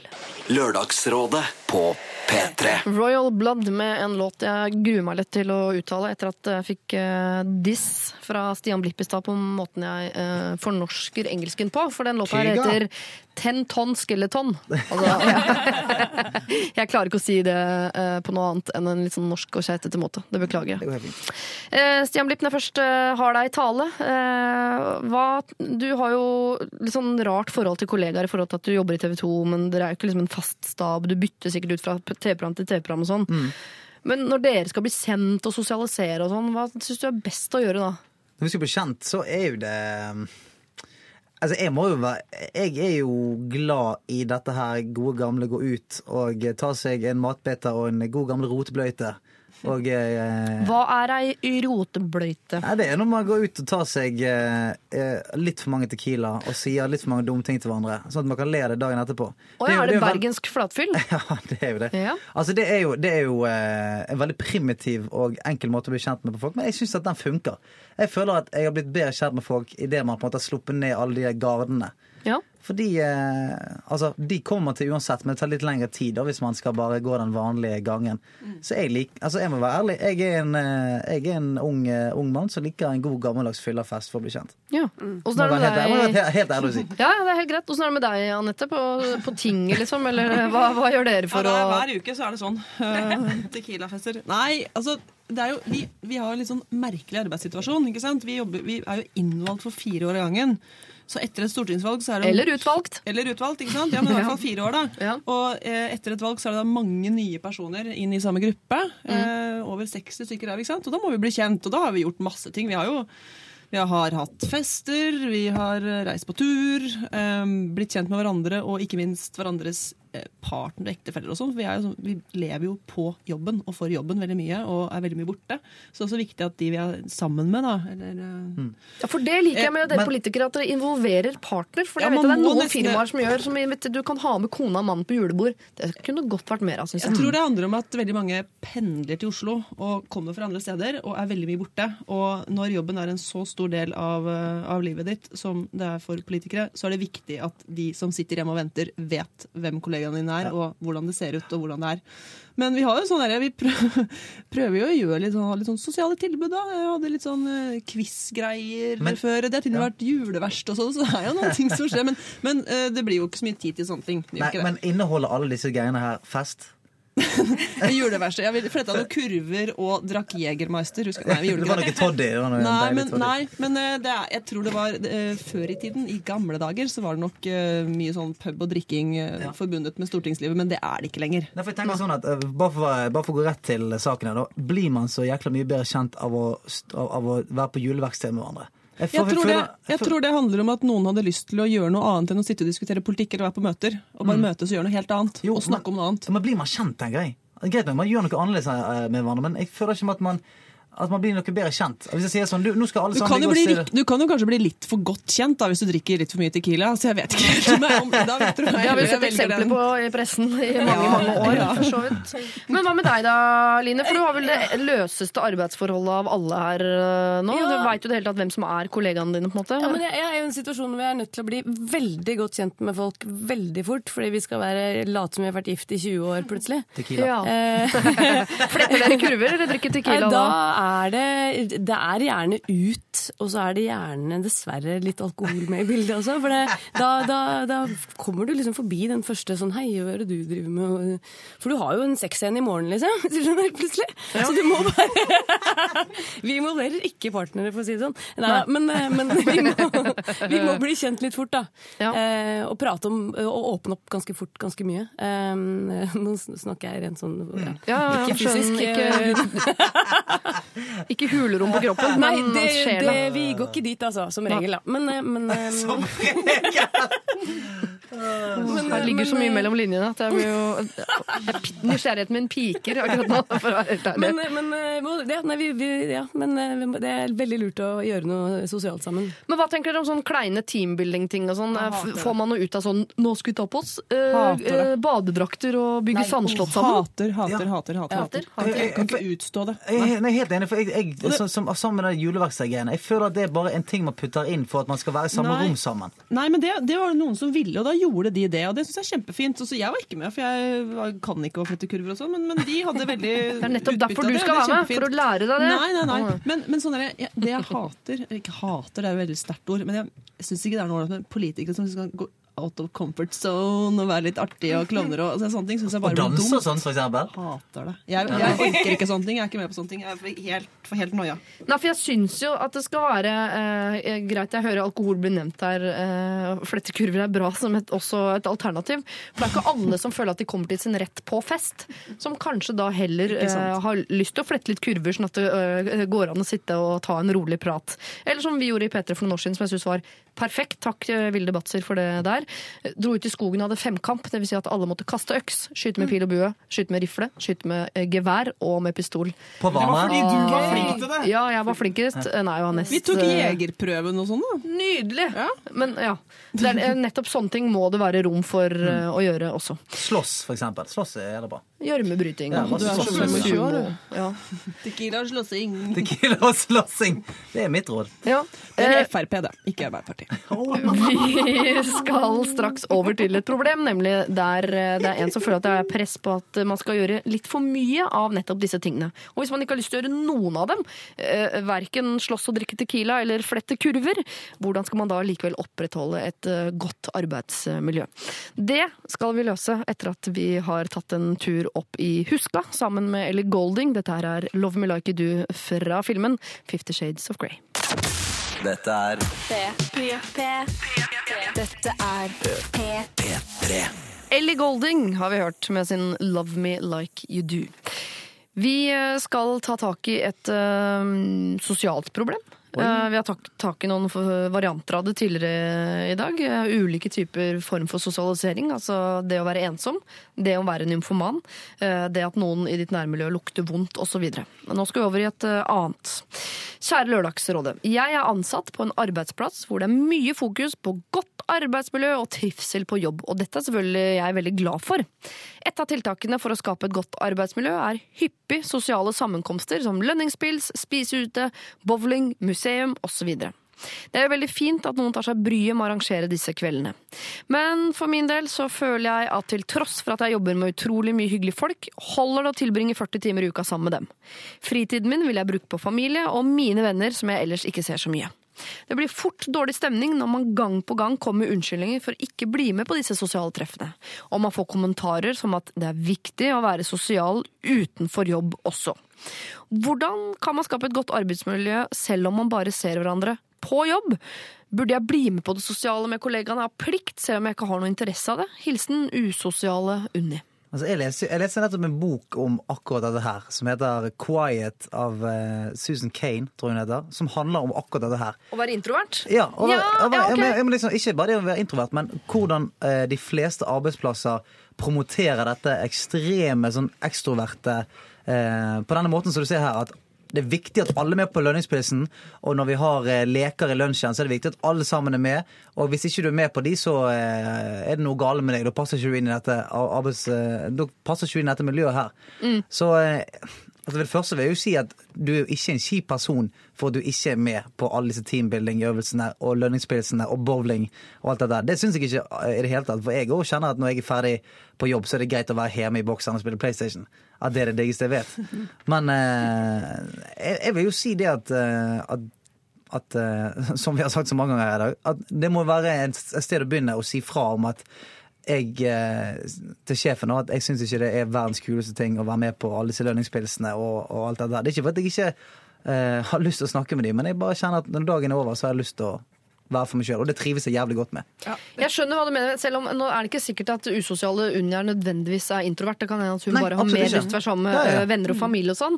Men det er helt riktig om at øh, de fleste arbeidsplasser er lagt opp til sånn til øh, å tilrettelegge for de ekstroverte ved at man har åpen kontorfellesskap og alle disse sosiale happeningene som man forventer at alle skal glede seg til å hive seg på. Så kanskje være en idé å bare si til sjefen sin du skulle ikke ha lest den der boka 'Quiet' av Susan Kane. Eller, det kunne vært greit for deg å lese, bare så du vet at det fins forskjellige Ja, for, dette, for dette vil jo ha den motsatte effekten for de som ikke vil det. Hvis det sitter ti stykker av de 40 du har, og ikke syns at det er så jævla kult med lønningspils og, å og, og drive med rare aktiviteter etter eh, arbeidstid, eh, arbeidstid, så vil jo det føre til altså, dårligere trivsel på jobben. Fordi at du faen kvir jo deg til alle, alle mulige sånne ting hele tiden. Ja, dette er jo roten til dårlig arbeidsmiljø. For det er jo tydelig at eh, Det er ikke sikkert hun er introvert engang, men hun bare har lyst til å prioritere annerledes enn å henge med kollegaene eh, etter Hele jobb. tiden. Mm. Hele tiden. Eh, og det burde ikke være noe problem, men det er åpenbart at det er skapt et så stort press da, på arbeidsplassen om at alle må eller forventes å delta på dette her, at du føler deg utafor hvis du ikke gjør det. Og da er vi allerede der, mener jeg, at man har et problem som arbeidsplass. Eh, fordi at folk er forskjellige og har forskjellig eh, familiesituasjon, forskjellige interesser. Og man kan ikke komme dit hen at, eh, at man føler seg liksom utstøtt fordi man ikke eh, lever for jobben på fritida også. Så jeg tenker at det, viktig, det er viktigere at hun tar det opp med, med sjefen. Kanskje hvis de har tillitsvalgte eh, i bedriften, så er det en passende sak å ta opp, eh, ta opp med de. For kanskje ligger det et eller annet i hele eh, arbeidsmiljøet ellers og i hele kulturen på arbeidsplassen som kanskje er litt, eh, er litt gærent. Da. Men dette går ikke over av seg sjøl, dette må hun ta opp. Og det er ingen vits i å gå rundt og føle seg utafor eller dum eller rar som ikke er med. Eh, Dette er fritiden hennes, og den styrer hun over selv. Så det er arbeidsplassen som har et problem. Men hun er opptatt av å skape et godt arbeidsmiljø selv om man bare ser hverandre på jobb. Og jeg mener også Hvis arbeidsplassen er opptatt av at det skal være et godt miljø på jobb, så må dere sørge for at det eh, kan skje i arbeidstiden også. At, ikke det er, eh, at det er bare tilrettelagt for det utafor arbeidstiden. For da må de ansatte få lov til å prioritere tiden sin akkurat sånn som de vil. Men er det noe hun kan gjøre i arbeidstiden for at hun på en måte også virker som en som bidrar litt til det kollegiale osv., eller kan hun jobbe noe med måten hun sier nei på til disse sosiale tingene, så ikke hun oppfattes som, eh, som sur, som hun sikkert går rundt og er redd for? da? Hun kan si det som det er, og hun sier jo at hun, eh, hun prioriterer familien sin, prioriterer andre ting. Um, og det kan hun si, at hun skulle gjerne vært med, men altså, det er vanskelig fordi ja, skal jeg følge barna på fotballtrening, eller jeg ser mannen min litt, eller ja, Det er en helt fair, fair ting, det. Det, det, er- det er jo en sånn vanskelig ting der, for dess finere altså dess mer sprudlende og gøy du er på jobben, dess mer vil jo folk ha deg med på disse teambuilding-greiene. Det er jo veldig vanskelig. Hvis du er på en måte center of attention på jobben, og den hyggeligste damen der, så er det sånn vil jo alle sammen si sånn Skal ikke du være med på, eh, skal ikke du være med på denne lønningsprisen i kveld, eh, Susanne? Uh, nei, jeg kan, jeg kan, ikke, kan ikke. Jo, kom igjen, da, please! Og så må du hele tiden For det er vondt å hele tiden motarbeide det jævla gruppepresset. Det er en ekstremt ubehagelig ting. Altså, så man, man må bli ferdig med det der så kjapt som overhodet mulig. Altså. Ja.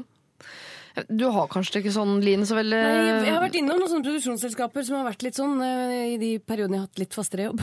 Så jeg vet liksom hva det dreier seg om. Jeg syns det er innmari vanskelig, for man blir så fort hun sure eller jeg, jeg tror faktisk at jeg hadde løyet litt. Altså. Jeg tror jeg hadde min konfliktskyhet. eh, På tross av at det er arbeidsplass, så ville jeg kanskje dikta på meg noe syke Veldig mye annet jeg må gjøre. Noe andre jobb. Jeg, er veldig, jeg har beklager, jeg kan ikke. Jeg hadde sikkert eh, ja.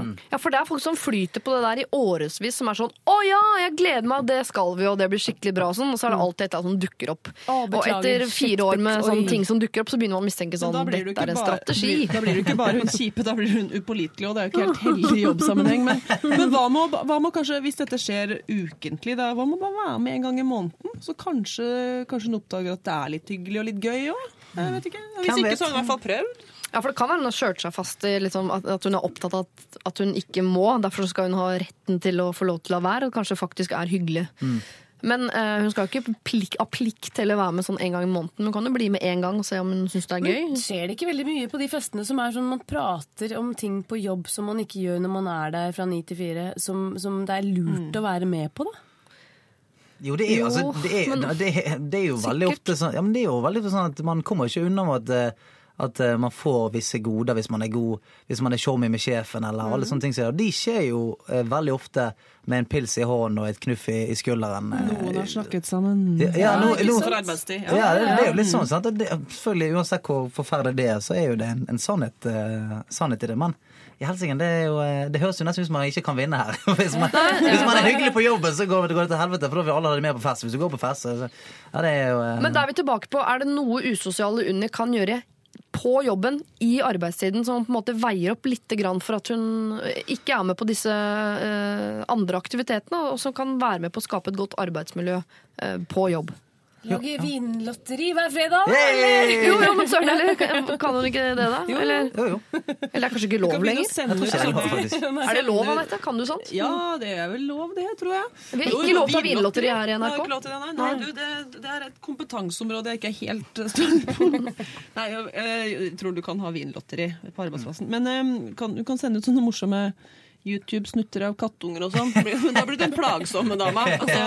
Altså, nei, altså, gjøre jobb, og jobben- Gjøre jobben sin skikkelig. Det er jo det som er Det er derfor hun er der. Og være blid, da. Og hvis hun er blid, så er det jo vanskeligere å kritisere henne for å være sur og utafor.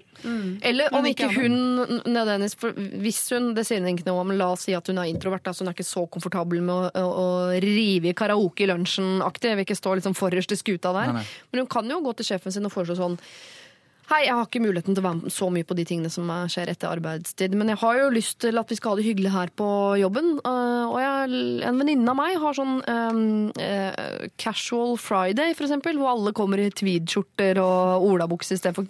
Kunne vi hatt noe sånt? Og så sier han nei, bu, dårlig forslag. Så jeg sånn, hva med en sånn Vaffeldag da, en gang i måneden, hvor det går på rundgang og lage en artig type vaffel, eller at man kan, i hvert fall overfor sjefen, om ikke annet, være litt på med noen mm. forslag til ting de kan gjøre i arbeidstida. Sånn at han Altså, tenker 'faen, for en artig jente', synes det er jo, et, et, jo, altså, det er jo veldig mange arbeidsplasser som er liksom lagt opp for de enten introverte eller ekstroverte, og at det blir veldig lett å føle seg utafor. Det er sikkert kjipt hvis du går og føler på det her hver dag. Ja, ja. Så. Ja, ja, ja, ja. Kan, men Jeg vet ikke hva slags, sted, hva slags arbeidsplass det her er, om hun føler at hun er veldig alene, men uh, hvis det er skikkelig ille, så må hun kanskje tenke seg om hun er på riktig sted. da.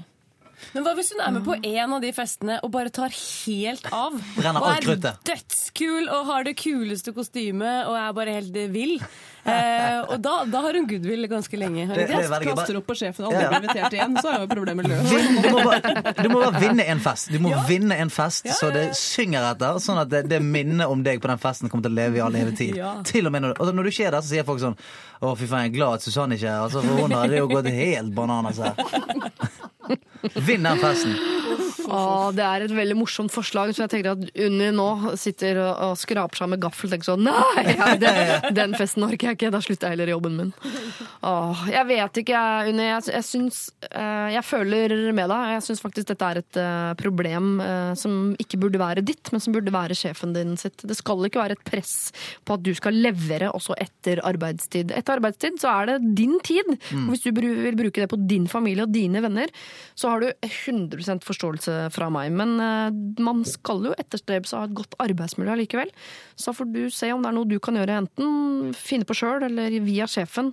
Eh, Et eller annet som er hyggelig som dere kan gjøre i arbeidstiden. Og når til og med Anette her sier at hun tror det er lov med vinlotteri, da kjøper vi den, altså. Så Men det, jeg anbefaler ingen å drive og gå på fest og kaste på, på sjefen, bare så jeg har sagt. Nei, ikke ligge ligg med sjefen, ikke kaste kast opp De introverte på Stortinget eh, gjør ikke det med Jonas Gahr Støre, for å si det sånn. Så det er ikke et tips. Men bare, Ikke med vilje, i hvert fall. Ikke med Eh, vilje. Men hvis det skjer, kan du filme det og legge det ut på YouTube? eh, jeg skal vurdere det.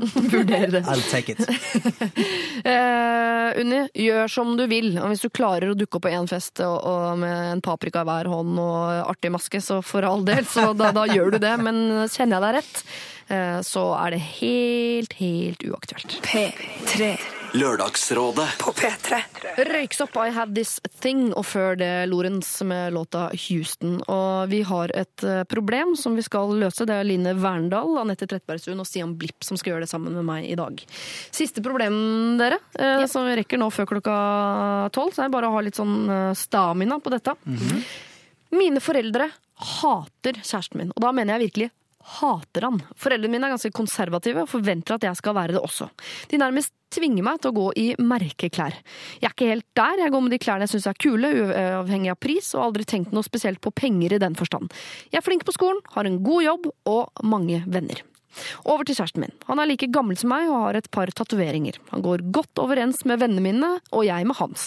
Når vi er sammen, føler jeg at jeg går på rosa skyer, selv om vi har vært sammen i et år nå. Han er utrolig hyggelig og bryr seg virkelig om hva jeg ønsker og vil, uten at det blir masete. Problemet er at jeg er bare 17 år, jeg bor fortsatt hjemme, så jeg er så å si avhengig av at mine foreldre skal like han.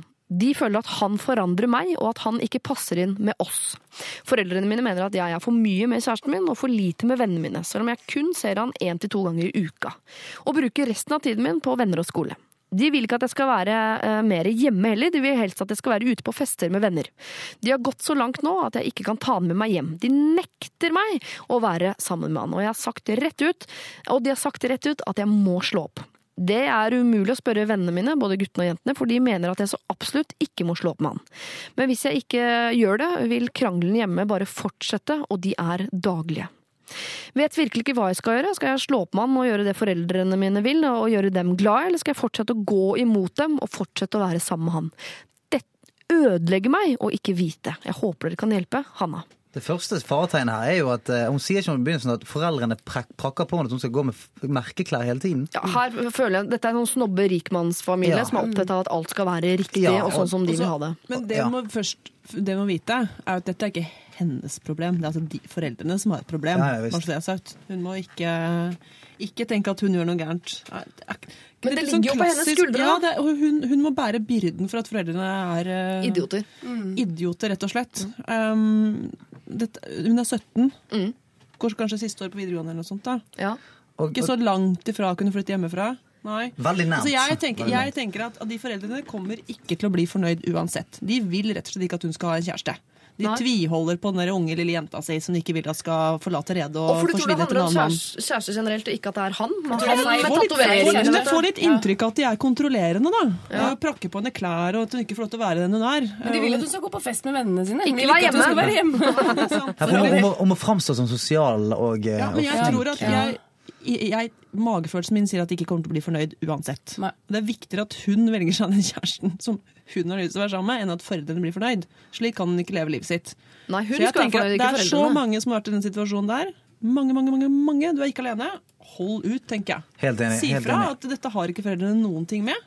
Og så istedenfor å gå i krangler hver dag, så bare si at det er ikke noe mer å snakke om. Ikke gidd.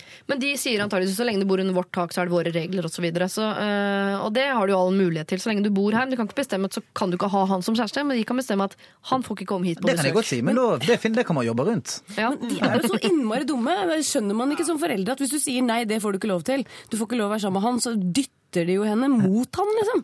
Det er, du må jo skjønne at det fungerer jo ikke. Da blir det jo Romeo og Julie, og det blir jo full passion, og hun bare elsker visst. overalt på jord, og hun rømmer med han, og de Og tar livet av seg, og alle dør.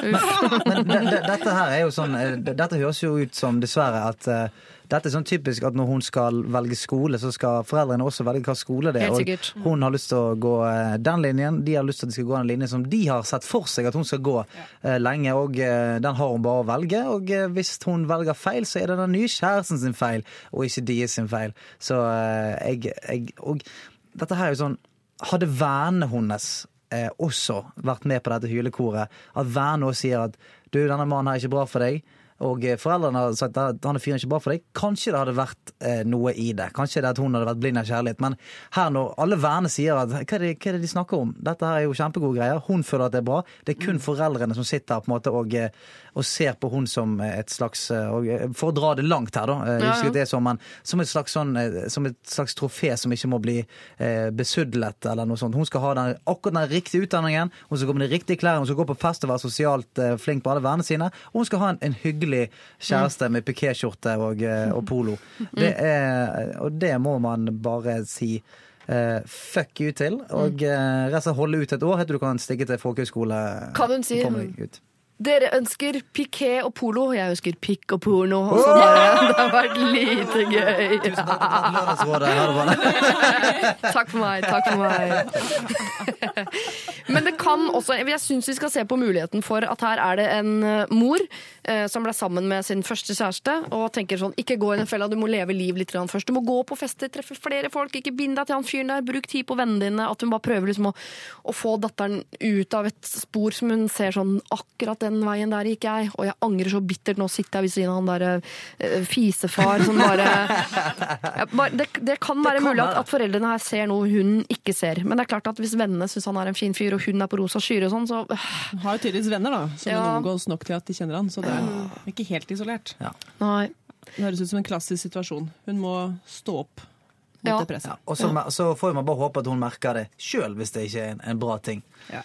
Men jeg syns jo, jo hun skal få all kred for at hun virker som en bra jente. Altså, på tross av de der teite foreldrene sine. Ja, helt enig, og jeg tror det er viktig at hun stopper dem så tidlig som mulig. For hvis de er av den typen vi vel mest mistenker, Ja. eh, som skal kontrollere hennes liv på, ned på detaljplan, så må hun jo ikke begynne nå å la de få lov til det, for da har du det gående. Og hvem kommer til å møte veggen? Jo, det er eh, potensielt flink pike her som må få beskjed av foreldrene sine om at du skal levere på alle mulige plattformer hele tiden. Nei, her er det bare å Flytt hjemmefra om et år, da. Ja. Kan ikke gjøre det? Helt, helt enig. Og så bare sånn forlenget råd. Hvis de skal begynne å legge seg opp i hva, hvilke valg du skal gjøre etter at eh, du er ferdig på videregående, så sier du fuck you til det òg. Ja. Og så drar du på uh, folkehøyskole. Ja, Ja. god idé. Der var jeg. Det var supert. Ja, og så lever du livet der. eh, Og der er det sikkert masse deilige menn med tatoveringer. Ellers har vi alltid Stian Blipp, da. Ja, må du bli fem år eldre, og så det må du da. Og det blir du sikkert også. Eh, Hanna, lykke til. Her sier vi faktisk eh, hei då til foreldrene dine. Du må stå opp eh, mot de og gjøre det som gjør deg lykkelig. Ikke det som kunne og gjort moren din lykkelig for noen år siden, eller som kan potensielt gjøre dem lykkelig i framtiden. Det er faktisk ikke din jobb. Din jobb er å ha det bra og mestre livet. P3.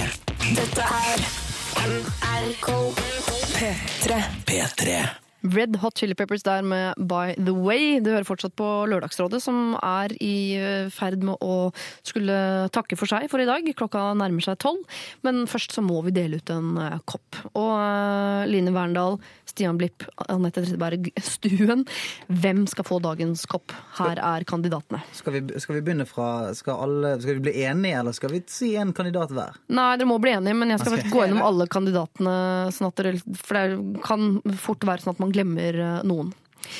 Eh, vi startet i dag morges med en eh, som var ensom og hadde ikke egentlig noen god plan for hvordan man skulle få seg flere venner. Skal jeg fortsette å studere, skal jeg begynne å jobbe, skal jeg flytte hjem, eller skal jeg bli her? i det hele tatt. En meget ensom pike.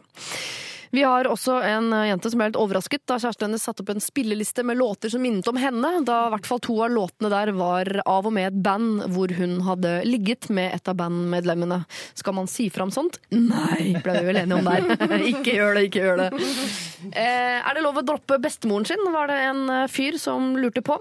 Eh, Tett etterfulgt av en dame som eh, var og er nymfoman og sliter med å få seg kjæreste. Hun sliter ikke med å få seg eh, pulevenner, som det heter. Men nå ville hun videre, hun ville finne seg en mann å dele livet med. Så har vi en ung, ung eh, jente som lurte på om hun skulle gå litt sånn foran i toget og si fra til jenta i klassen som lukter vondt, før de begynner på en ny skole hvor det potensielt er ytterligere enda flere som kan gå og snakke bak ryggen hennes om hvor vondt hun faktisk eh, lukter. Vi har en uh, dame som syns at det er litt for mye press på å være sosial med kollegaene sine etter arbeidstid, og lurer på hvordan hun kan skape et godt arbeidsmiljø uten å måtte bruke av fritiden sin på det. Og til slutt, altså da denne jenta som har en kjæreste som foreldrene hennes hater. De nekter henne å være sammen med denne gutten og lurer på skal jeg høre på dem, eller skal jeg høre på mitt eget eh, hjerte. Og da gikk vel vi ganske unisont inn i det og rådde henne til å høre på sitt eget hjerte. Men hvem skal få kopp? Jeg vet hvem det ikke kan bli. Ja. Det kan ikke bli hun med spillelisten. For hvis hun får en P3-kopp, så kommer jo den koppen til å minne henne om denne spillelisten og denne sangen. Så om om hun klarer å følge vårt råd og kvitte seg med sangen, så har og gir henne en kopp, så har hun et nytt problem. Ja, og så, og så spør kjæresten sånn, og så spør kjæresten hvorfor har du P3-kopp? Så kommer alt for en dag, selv om vi egentlig forsøkte å rydde opp. Så hun kan ikke få kopp. Ikke få kopp. Nei. Det frister meg Hun, hun på jobben, Ja. eh, hun eh, som ikke ville være med på det sos- sosiale på jobben, hvis hun får en kopp, så kan hun liksom gå, slente litt rundt i lokalet med den P3-koppen, så har de noe å snakke om. Kanskje hun blir litt interessant og kul. eh, Brife med koppen. Brife med P3-koppen. Ja. Altså, Det frister meg å gi koppen til hun nymfomane, sånn at hun har et sted å holde hendene sine. Men eh, eh, jeg tror, jeg tror Min kandidat er iallfall å gi den koppen til eh, hun ensomme damen. Sånn at den koppen skal stå på bordet hennes som en eh, påminner om at hun skal komme seg ut av huset hver dag og møte nye folk. Du, Jeg er så enig. Jeg tenkte umiddelbart også Hun ensomme hun, hun fortjener at vi vite at vi har tenkt på henne. At Mhm. det, hun er ikke så ensom. En kopp av kjærlighet. En kopp av kjærlighet. Hun er ikke alene.